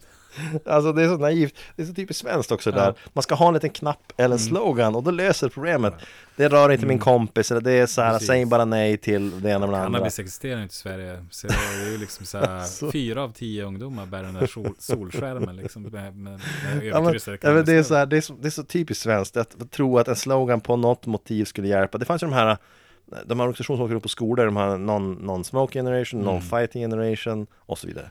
Ehm, där man ju då, de delade ut klistermärken och t-shirts och vad det nu var sådär, så, Mm. som att det skulle hjälpa. Ja. Det är lite sådär, det, det är så naivt på något Eh, sätt. precis. Det är så ofattbart det, det naivt. finns ju vissa typer av sådana information, information, alltså projekt. Informationen är väl inte hjälper. dålig. Det Men det är, däremot men den här klassikern som vi har vuxit upp med. Där det kommer en gammal pundare och berätta skräckhistorier. Oftast egentligen Mm. Ja, roliga historier nästan till slut. Fast Mm. de var menade att vara Ja, det var, det var skrämmande men De har ju visat sig att de har ju faktiskt ingen effekt. jag tror inte det de har det. effekt för de Men- som inte har tänkt knarka. Nej, ja, För de nej, får precis. bra argument mot. De som är lite svävande eller faktiskt till och med knarkar, de bryr sig inte. Men alltså, vi fick ju besök av en kille som håller på med anabola Håller han på med det Eh, aktivt? Ja men det, det, ja men det lustiga var det här, alltså så här, det här var hur det gick till på gymnasiet Så kommer det då en snubbe till skolan, jag var sista året Mm. Och ehm, han skulle ta upp det här med, alltså, det var det här med, det handlar om doping, alltså framförallt inom då kraftsporter Han var ju då en bodybuilder. Ja. Eh, Och han har ett föredrag där och så här, det visade sig att det där var han hade, den här turnén han gjorde genom Sverige Mm. och föreläste på skolor om, om risken med det här. Eh, Det var någon som hade gjort efter att han, han hade varit i fängelse för, som relaterat till doping, Ja. alltså smuggling och sånt där. Så han har skrivit om det och sådär Och den här killen han hade då ett långt bildspel. På den tiden var det ju diabilder Som gällde. Det var inte powerpoint. Eh, nej det var inte PowerPoint, nej det var diabilder. Och sen så pratade han då ganska yvigt om sina upplevelser med anabola. Eh, Det vi kom ut därifrån med, det var ju vetskapen att anabola, det blir man jävligt stark av. Och eh, det är ju bra.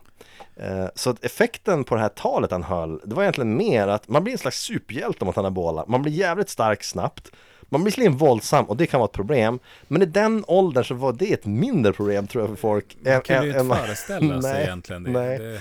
och han börjar prata om hormonförändring. Han han har en lång, ganska ut, tråkig vetenskaplig utläggning om varför, varför det var dåligt med anabola. Mm. Men sen hade han en väldigt färgstark och rolig föreläsning om alla grejer han har gjort när han gick på anabola. Mm. Vilket var, han har slagit sönder det ena med det andra, han har lyft och slängt ut någon från det och det fönstret. Han har gjort, alltså det var såna här grejer. Och det var ju det som gav intrycket. Det var Ja. det som man minns som det roliga. Ja, jag, jag tänker också Vi häller upp det. lite mer whisky, det är som porlar i bakgrunden. det eh, Limmet är tyvärr slut redan. Som. Eh, jo, vi limmar upp eh, små plastmodeller. Eh, nej, men jag tänker också det att det man minns ifrån de här, det är ju det att de berättade historier som var ganska, Mm. ja, men alltså egentligen otäcka.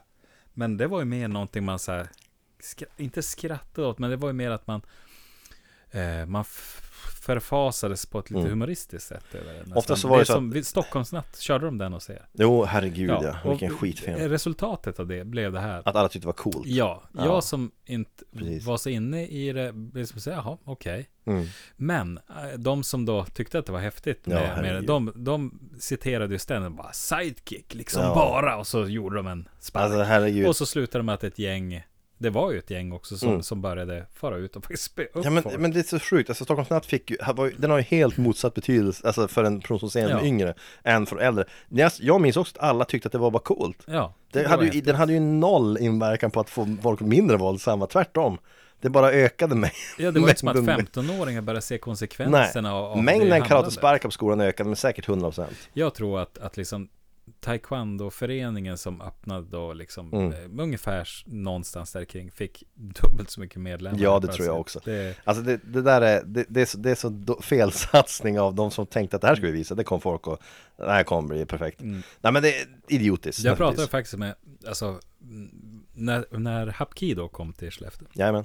Så han som tränade det, Mm. som du Alltså hade som Abbas. Abbas ja. Mm. Han pratade med en gång då på den Mm. tiden och han sa, då pratade vi om det här med ungdomar och hur man Ja, tar till ja. sig det här. Ja. Och jag tänkte så här, ja men, jag sa, det är väl bra liksom Mm. att man börjar träna sånt här. För det, det kanske ger liksom en förståelse för att man inte kan använda det här mot folk. Alltså, nej, men så funkar det inte. Alltså, det är så många som, det man gör är det att man vill ju prova det. Ja, Och, och liksom, man vill få bekräftelse, man vill vara tuff. Och det. det, tänker jag, det var ganska insiktsfullt. För tonåringar Ja som men lär så är sig det ju. karate. Ja, så är det ju. Ja. Han var ju, han var ju en sån typisk, han var en tränare som, han var väldigt, väldigt bra. Eh, framförallt så var han ju väldigt ärlig med att säga också rakt ut att så här, han, han förmanade ju att det här är ingenting, alltså sparka och slå folk, det gör man liksom inte. Han hade väldigt bruten svenska, pratade Mm. väldigt, väldigt, väldigt bruten svenska. Men han försökte ju förmedla att, att det här är oacceptabelt. Men om det händer, Mm. Då ska ni tänka på de här sakerna och de här, gör inte så här i alla fall, gör inte så där. Men sen så var han ju också så här, han la ju träningar på fredagkvällar, lördagkvällar. Det var ju Mm. Ja. inte, inte av slump. Precis. Det var ju för att han menar på att om ni kommer, ni, och just att man var tvungen att komma på någon träning, om, var hans liksom motto. Ni måste Mm. komma fredag, ni måste komma lördag. då har du ju bokat upp den möjligheten du har ute och supa och slåss. Ja. Ganska, Nej, men så att, ganska bra. menar, han har ju en väldigt realistisk Ja, ja. syn och så tänker jag att åh, ändå gjorde något för ungdomarna. Han Mm. hade inga så här, eh, orimliga förväntningar på nej, dem, nej, utan han nej. förstod var att tar du killar i 13 till 16 års åldern så är det en viss risk för att de här har inte så jävla bra impulskontroll. Nej, nej. Och så vill de ju Eh, stila. Ja. Det. Och, och, och som du säger, lägger man då träningar på tider man annars är ute och, Mm. och gör dumma saker så då är ju det bra. Ja, men det, jag tror att det hjälpte faktiskt. Det, gjorde tror jag också. Och Eh, Det var ju sagt, det märkte man också på de som tränade med oss att Mm. eh, vi det, det var ju en mycket mindre klubb än Taekwondo till exempel Mm. För att det är många som inte vill ge upp sin fredag lördag kväll Precis. Så är det ju, det, det blev ju så Ja. Då var man tvungen att vara ganska seriös ändå du tränar ju också med Snake och Mafia. Som är, är kända i Skellefteå. Det här är nästan preskriberat, måste man ta upp då kanske Det är ju nästan nå- någonting. Ja för, för att det är ju så här då, vi ska, för, för liksom sätta scenen här Skellefteå är ju inte en stor stad Nej. Skellefteå är en liten stad och Skellefteå har inte några stora problem med gäng som drar fram i förorten och spöar folk eller sådär. Det har aldrig haft och det kommer vi antagligen aldrig att ha heller. Så det har liksom inte varit någon sån grej. Men på 90-talet där så var det då, i slutet av 90 framförallt, så var det ju massa tidningar, skriverier om med Vatos Locos och så vidare. Så att det var ungefär gäng som... Blood in, blood out. Ja, att f- gäng härjade liksom i Alby och de här ställena i Stockholm framförallt och Rosengård, allt det där. Mm. Och eh, då var ju då Norran, som vi inte nämnde tidigare här, Norra Västerbotten, lokaltidningen eh, här i Skellefteå var inte sena på att det här måste vi också göra en artikel om. Har vi några råskinn vi kan prata om, Ja. prata med eh, här i stan? Mm. Problemet var att det fanns ju liksom inga. Så det de gör, jag vet inte hur de får tag i de här genierna Men i den här klubben som jag tränade, den här Hapkido-klubben då Så fanns det då Två killar eh, som var, jag så här de, de var väl De var väl av den I den ålder att de tyckte att det var coolt med gangsters Mm. och de, de tyckte väl att det var lite synd kanske att de inte hade någon sån här gäng i Skellefteå, jag vet inte. Så hur de exakt blev kontaktade av Norran, det vet jag inte. Men de gick med på att intervjuas. Och de lägger fram, gör en intervju som jag önskar att jag hade kvar idag. Ja. För den bild de målar upp av sitt liv, det är som att de låtsas att de lever något slags gangsterliv. Ja. Och där de bara, vi kallas för, de kallas för Snake och Mafia, Ja. påstod de. Ja. Ingen i hela världen kallar mig det Nej. naturligtvis. Herregud, det var ju det dummaste jag någonsin hört. Men det där blev de ju sedan, efter artikeln, det, det är helt, helt fria, fria fantasier från början till Mm. slut. Den är bara komisk, när man vet hur det ser ut i Skellefteå, då blir den bara komisk. Alltså det, det, de berätt, det de berättar var man ju som såhär, men alltså det Det här, här känner har aldrig hänt. igen. Nej precis, det här har Det aldrig var ju existerat. märkligt så att det finns några så här som egentligen, de säljer knark. Mm, precis. de Härskar går- över områden, härskar över ingen områden. vågar Ja, gå ut i området. Man, Ja, men vi men bor ju är där. det här Ja, området? precis. Ehm, och det vart ju, ja... Och de, bara, de sa också så här, "Vad, har ni något gäng? Jo, vi kallas för SS, vilket också är märkligt val. Vad står det för? Skellefteå svartskallar. Ja just det, ja precis. Ja, De här killarna var från Iran för övrigt, ska jo, sägas. och, och liksom det fyllde egentligen stereotypen då. Jag tänker Ja, för några reporter ja, att hade det varit två, två killar som var födda i Sverige, Ja. typ såhär Kalle och Nisse. det hade, hade aldrig och de bara, kommit till vad tryck. fan snackar de om? Kallar det för Snake och Mafia och Skellefteå Ja, svartskallar? Jag tycker det är jättekonstigt, men det roligaste, det, det dels så blev de ju, den här, när artikeln skrevs och kom ut ur tidningen så, de blev ju hånade Mm. bortom Ja. förståelse i omklädningsrummet varenda träning efter det ett tag. Jo. Men det roligaste var ju reaktionen av Abbasson, han var ju också iranier. Mm. Han blev väldigt arg. Ja. För att han, han menade på att ni drar oss i smutsen. Vad är det Mm. ni håller på med? Ni förstår inte, folk kan ta det på allvar. Vi försökte för, som förmedla det att det är omöjligt att ta det på allvar. Ingen kan ta det Mm. här på allvar. Ingen i hela världen kan ta det på allvar. Om reportern gjorde det så är det otroligt. Mm. Att hennes redaktör gick med på att trycka det här. Jag förstår det inte. Nej, och inte. grejen är den här att när det här trycktes så gick jag på Medelfors, att jag, jag var typ 20 Folkhögskola. folkhögskola. Ja. Och eh, då, där sålde de i Norran Mm. och jag gick ju då med, med vuxna. Alltså, Mm. ja, 20 är ju inte vuxen som man trodde då när man var 20. Nej, nej, nej. Det är Tyvärr. när man är eh, Tyvärr. ung vuxen. Och folk läste det här och vart förfasade. Tyckte Ja. det var fruktansvärt vad som hänt. Och så sa jag det att ja, men jag vet vilka det här är. Ja, och de hittade faktiskt på det. Ja, det stämmer inte det de nej, säger. Nej. Och reaktionen blev Det spelar ingen roll, det är ändå fruktansvärt. Ja, det är fruktansvärt. Man bara- man- Ja, det är fruktans, fruktansvärt på ett, i fiktion. Ja, fruktansvärt fruktansvärda fantasier. Ja, Ja, sitter med kanske. Precis. Men faktum är att de tränar ju varje fredag och kväll. Inte har de tid att ut och springa på stan med det här. Herregud nej, Eh, absolut inte. Så att det, ja, det där var ju ganska, jag önskar också att jag hade kvar Ja, men vi får leta jag upp det kanske. att- Ja, det måste finnas kvar. Det, det, är, det är väldigt komiskt att läsa. Ja. Det är väldigt, väldigt komiskt. Det var väldigt komiskt då.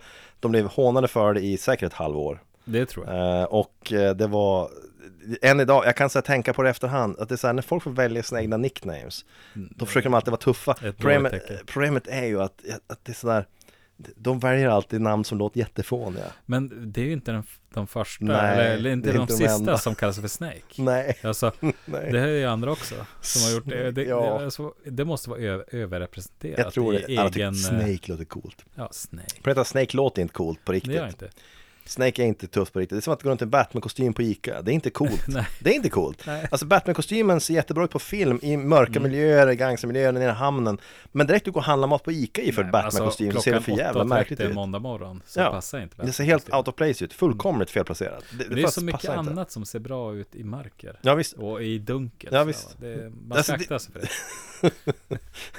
Nej men det, det är någon slags så här, det, det, Snake och Mafia var idiotiska namn till att Ja. börja med. Det var idiotiskt. Men, men det är så här, men de här killarna var unga. De kan- var unga, de gick, de var. Mm. de gick andra året gymnasiet, de var inte så väldans skarpa kanske på den tiden. Och Jag, Nej, jag alltså, undrar, det, alltså, det är ju inte så konstigt. Nej. Jag menar, då, det, det var också så att eh, jag tänker Blood In, Blood Out och eh, typ de här Boys in the Hood. Alla Boys in the. Hood, ja. Det kom jättemycket filmer om gangsterlivet då. och, och Ja. de, det var många som, som Rapmusiken började bli stor i. Sverige, Ja, gangsterrappen och de blev väl, ville väl, så här, jag tror framförallt att de hade sett det pågick ju så mycket grejer nere i södra Sverige, i större städer som tänkte att Mm. Ja. varför inte? Och norran, ja jag förstår inte Norran var väl de som var lyckligast av alla. Ja, de måste vara jag. Vilket scoop, Vilket- två ja. sidor Uppslaget. Uppslaget där med Ja. Snake och Mafia. De som, ja, vart de nu gör. Jag vet inte vilket område det ska vara. Herregud Det måste vara Jörn eller någonting. För att det var inget man märkte. Nej alltså det, det, det är bara komiskt såklart naturligtvis det, det, det är bara komiskt Men det är, så här, det är en nidbild, alltså där, det är så här Hade man på film sett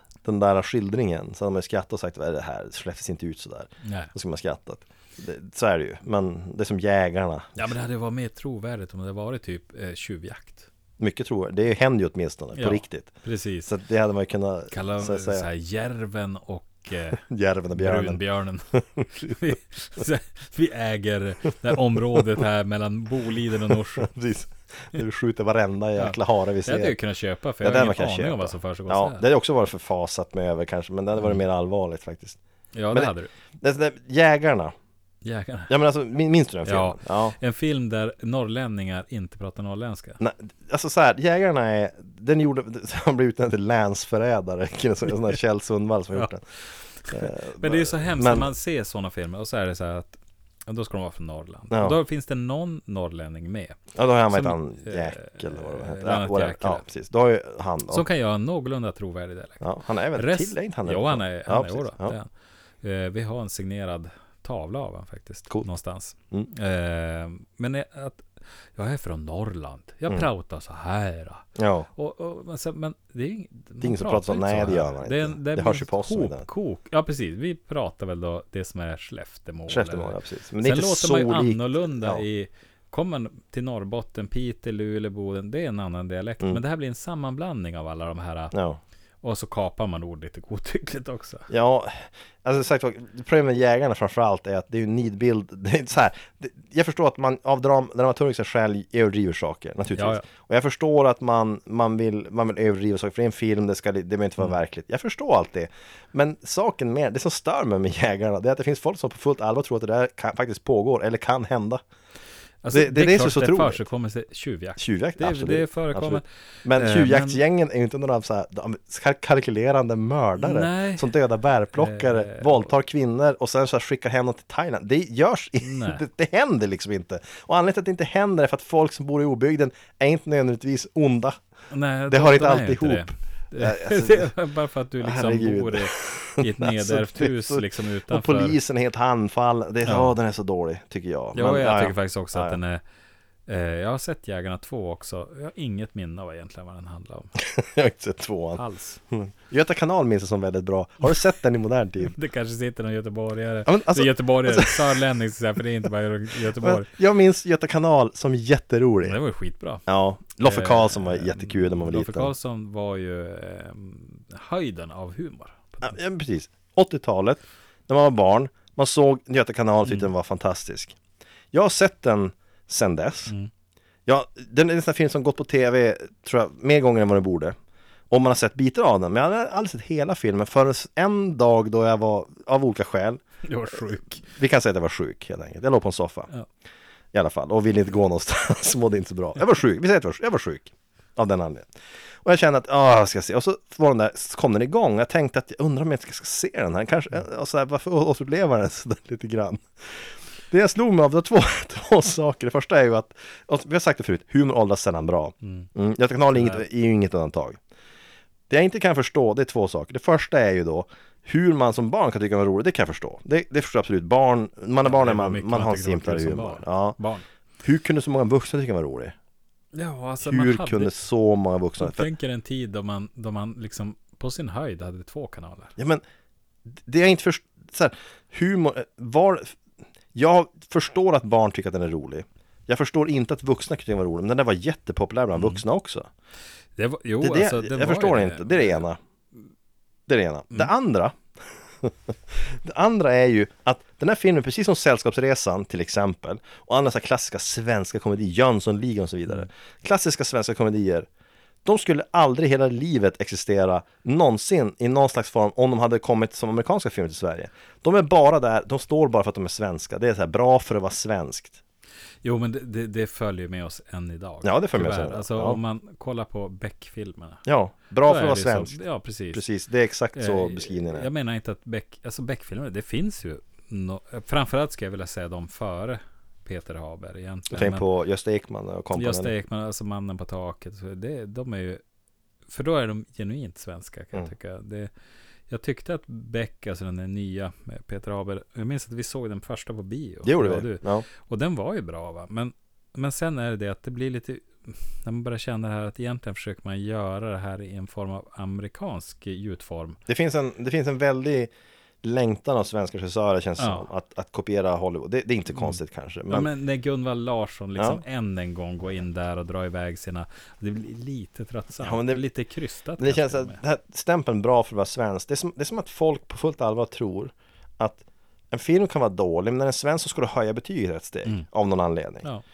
Så är det ju inte. Det är helt Nej, nej. orimligt. Jag tycker att om, om jag, jag är inte så förtjust i, i, i Sverige producerade filmer. Det är för att det görs lite det- av de genrer vi gillar. Det, Ja, det är så Men det jag också. tycker är bra, det är ju det som är väldigt svenskt. Alltså det som är väldigt Då ska det vara, jordnära. ja då ska det vara väldigt, men Till exempel, alltså en film som är fantastiskt bra, alltså både boken och filmen, det är ju Mm. Låt den rätta komma in. den är jättebra. Den är också ja. väldigt... Det finns eh, undantag, det finns undantag där fil- filmerna är jättebra. Det finns Ja, några, låt blir komma in är väldigt bra. fruktansvärt bra. Ja. Men när, när, när det är så att det blir svenska filmer som, är upp, som jag upplever som osvenska egentligen, Mm. då, då blir det jävligt Det dåligt. värsta som finns i svenska actionfilmer, Ja, det är otroligt dåligt. i Sverige håller vi inte på med dåligt. action. Vi Nej, håller men på det med, är- med diskbänksromantik. Men vi, vi, har, vi har varken budget eller Mm. rätt typ av skådespelare för det. Ja, men eller Lynnet, vad fan. Nej. Gunvald Larsson existerar ju inte i Sverige såklart. Nej, Eh, Utan nej. han existerar i den här fantasivärlden som är 80-talets USA. Nej men det, vi, vi har alltså, direkt du sätter en svensk actionfilm någonstans. Jag, jag, jag såg någon med Paolo Roberto. Mm. Heter den 9 mm kanske? Skitsamma, det är Det måste vara dåligt. Så här, ja, den är jätte, ja, den är jättedålig. Jätte, jättedålig. Såklart. Mm. Den är precis så dålig som du kan tänka dig att den är. Och jag såg den här och så tänkte medan jag såg inte hela naturligtvis. Det vore helt orimligt att begära. Men jag såg en bit av den och tänkte så här att det här är så typiskt svenskt. Du gör en, du gör en actionfilm. Du har inte budget för att göra det för att det krävs många, många, många fler miljoner än vad du har. Men du väljer att göra det ändå. Mm. Du väljer att göra det ändå. Det är som att jag skulle sätta mig med min kamera på baksidan av huset och bestämma för att ja, jag ska göra en tv-serie själv. Mm. Det är orimligt. Det kommer aldrig att bli bra. Det Nej, går nej. inte. Nej. Och därför så borde man säga att men vi gör inte sådana filmer. Vi gör inte sånt. Vi, vi gör bara filmer som vi har råd att göra bra. Och det blir ju dramafilmer, det blir små filmer. Och det är helt okej att göra sådana Mm. Ja, filmer. det är ju det. Helt okej. det Men de- vilket för oss till typ jantelagen. Du ska fan inte tro att du kan något. Det ska vara lagom. Ja, det ska vara väldigt lagom. Det ska vara realistiskt. Det ska vara 8 till 5. Fan inget annat. Nej men det är alltså det, svenska, det, det gäller svenska tv-serier vad du vill. Vi kan ha kanske en, en briljant mängd skådisar, alltså som är Mm. Ja, duktiga ju på det de gör. Ja, men det spelar ju som ingen roll egentligen. Därför att Nej, det material det- de har jobbat med är ju Ett inte bra. bekymmer blir ju det att vi har inte så jävla många skådisar. Så när de börjar dyka Ja, upp i olika roller och sen ser man helt plötsligt Gunvald Larsson Jag i varenda jävla roll. Jag kan störa mig ganska mycket också på att svenska skådespelare levererar repliker på ett sätt som är gjort för teater. Ja, Och det gör att allt låter jätteonaturligt. För att Mm. när, jag, vet, inte, jag har inte sett många svenska filmer där dialogen känns rimlig.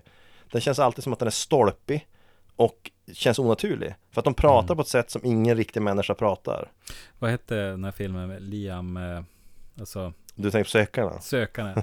Där, där har vi ju typiskt svenskt och väldigt naturligt. Det är en sak som också är så här, det, det går inte att förstå den, den filmen som fenomen om man inte upplevde det Nej. tror jag. Och det var väl också, sen det måste ha varit slutet av 80, början av 90, jag minns inte Ja, exakt. det är vi inne på eh, 90-talet. Början, Jag skulle säga början av 94. 90. Är det verkligen så Gissar- sent? jag gissar på 94. Googlar vi inte upp det här nu och kollar? För jag tror att det är tidigare. man önskar Jag att man- tror att det där kan vara så pass tidigt att det är liksom, ja men säg 91, 92 Möjligt. typ. Men vi ska, Alltså, vi ska se. Man önskar att man visste hur man frågar Siri. Men det vet man inte. Du har ju försökt tidigare, det vart ju ingen succé. Siri ska upp- Det blev ju liksom två minuter av förvirring mest bara, sen så ledde det till att du inte fick något svar. Nu ska vi säga sökarna. Men den Liam någonting hette ju han som var, han var ju bankrånare på riktigt. Sen har du då Torsten Flink spelar den där psykopaten. Han är ju bra där tycker jag. Men Torsten Flink blir ju oftast bra. Fast det är bra också för att Liam Norberg var ju en rånare på Liam riktigt. Norberg. Ja. Jo, alla, Och de flesta var ju bankrånare. Psykopat, Torsten Flink är nästa Torsten psykopat. Flink är alltså precis Han är galen i alla fall. Ja. Ehm, ska vi se, sökarna. Det är då Daniel Fredell som jag tror, ja 93 är den. 93, okej, vi hade ju ingen rätt av oss. Men du var närmare. I, mitt emellan. Du var närmare. Um, Fredell, han, har han gjort något som är bra? Jag vet inte ens vad namnet är, alltså, jag har aldrig hört talas om honom. 30 november, ja, under ytan. Ja, Ah, Bara skit. Det är Skit. sånt som vi... Uh, Skräpfilm. se Breakfast Club istället. Herregud ja. Liam, så här, det går inte att förklara hur bra, eh, hur bra, den var inte alls bra. Det är svårt att förklara fenomenet sökarna. Det för är den, det. För den blev ofattbart populär bland Mm. ungdomar i en viss ålder och jag har ingen som helst förståelse varför. Jag Faktiskt. minns att jag såg den hemma hos en, ehm, Danne som vi kände. Mm. eh, med några flera. Det var ja, jävligt konstig film alltså. Det var Men, mycket eh, alltså, turtlenecks och guldkedjor. Jag, så här, jag, jag vet inte.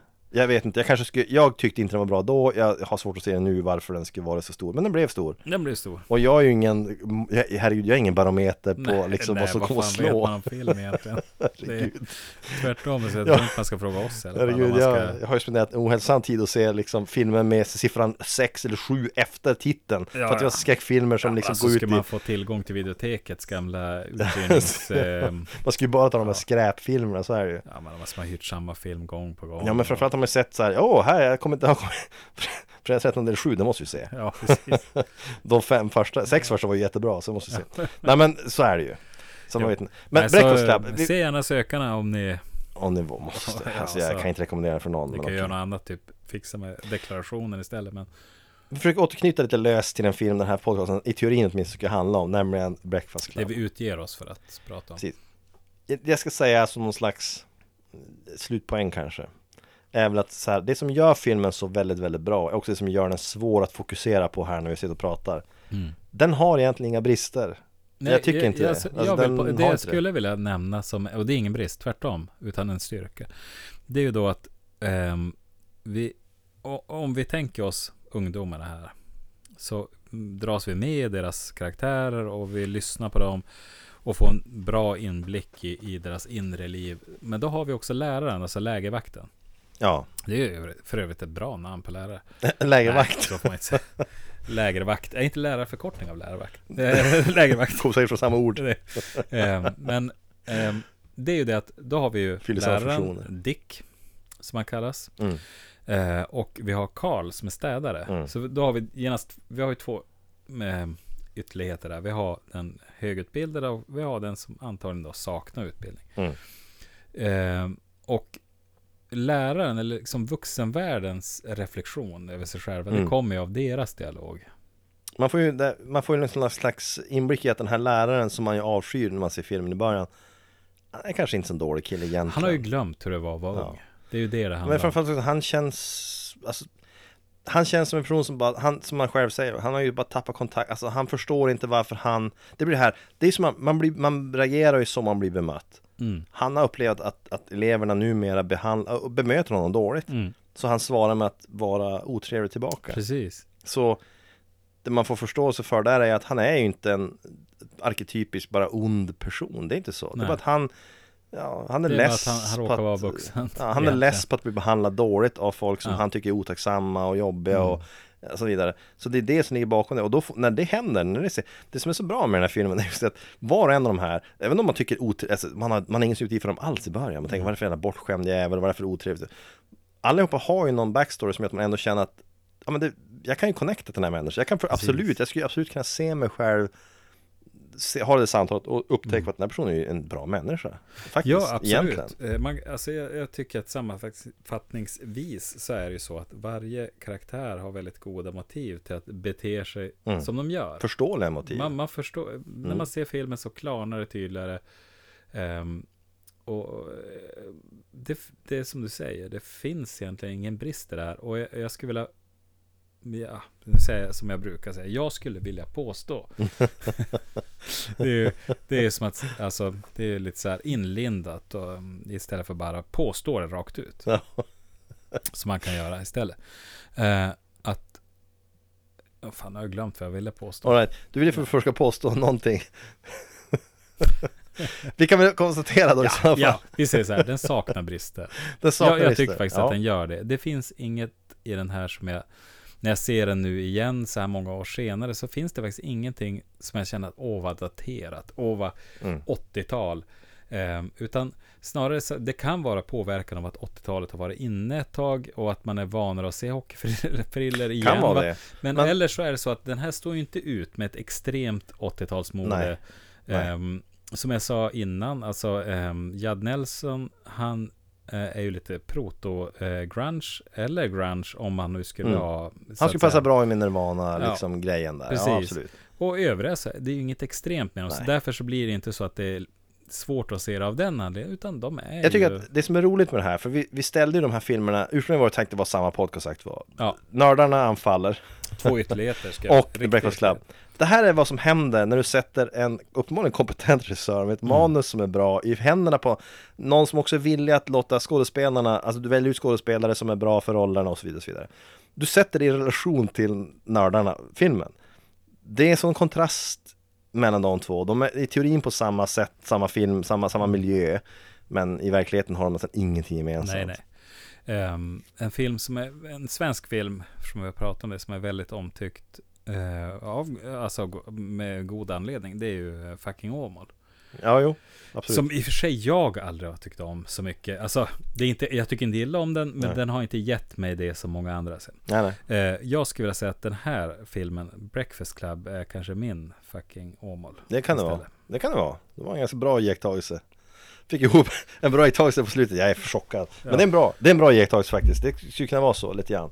Det är en film som jag förstår, för vi, vi fick se den på skolan faktiskt. När den, jag, vet- alltså, jag vet inte varför det var så, men vi fick se den där i, eh, i samband med att vi gick på skolan. Det måste ju ha varit, alltså just efter den, alltså vi gick i högstadiet.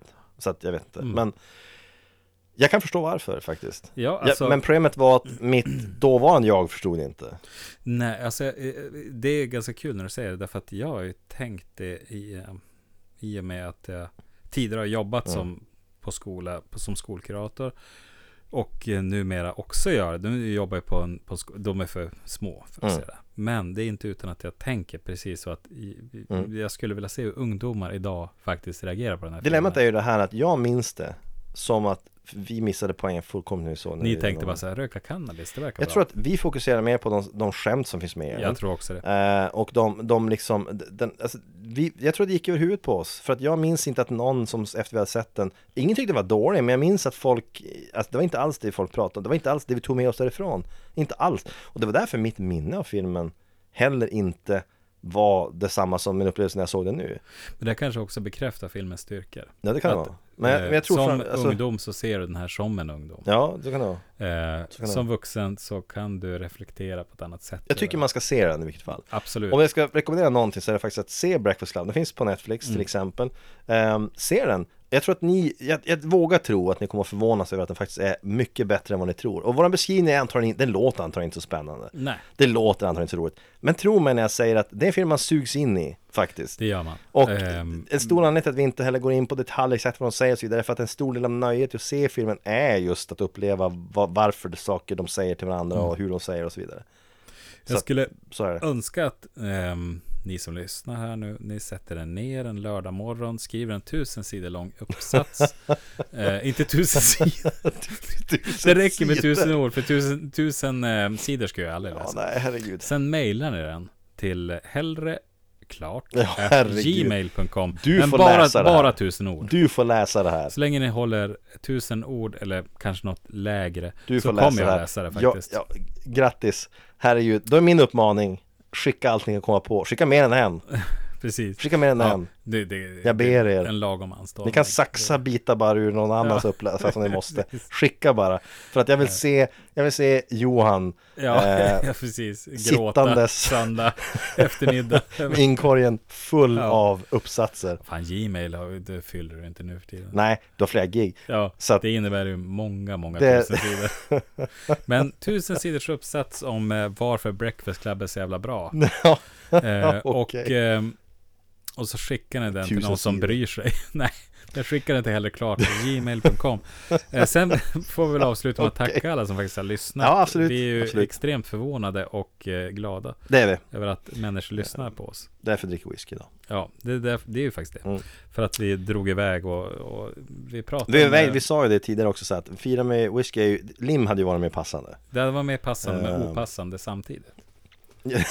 ja, jo, det hade varit Det blir så här, den sista podcasten det gör vi Den på, sista den, vi gör den, alltså. den gör vi på Lim Innan vi läggs in sen för ja, hjärndöd eh, precis. Eller vad man nu läggs in eh, för sen- efteråt. Ja, det- jag vet inte vad det blir.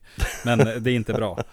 Eh, ehm, så vi, vi firar ju ett visst antal downloads med Ja. svensk eh, whisky. Vi ska väl säga också så här att ehm, vi, vi, vi är som vanligt så här vi, iTunes och så vidare eh, Podbean Eh, Allt det där vet ni vid det här laget antagligen Man kan söka på iTunes, man Precis. kan söka på Podbean, Stitcher, man kan söka på Google Jajamän. till och med. Finns, Googla finns, hellre klart än bra, så kanske man träffar oss, jag tror det. Det gör man. Eh, och man kan eh, tipsa sina vänner om att Mm. lyssna också.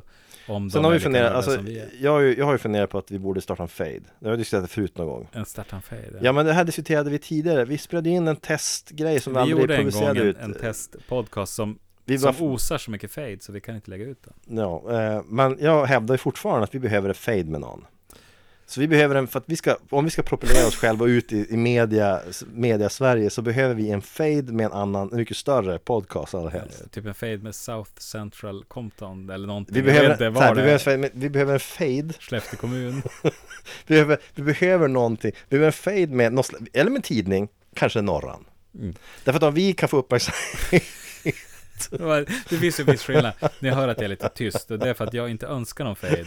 Du, Eh, du, du, du, du tar emot mig sist också Jag hävdade ju att vi inte har något att vara rädda för Du var lite oroad och stötade med en mäktig grupp Ja, alltså, En mycket mäktig grupp jag som vill jag- som jag för. generellt. Ett, Ja. ett, man har alltid någonting att vara rädd för. Två, eh, jag är diplomatisk. Ja, jag, det är jag är alltså eh, född i vågens tecken. Är Har det fått dipl- lära mig, Är det då är man väldigt diplomatisk. Ja, det är det. skrämmande. eh, En stenbock, vad innebär det då? Det, det innebär antagligen att du stångar folk och vill ha fade.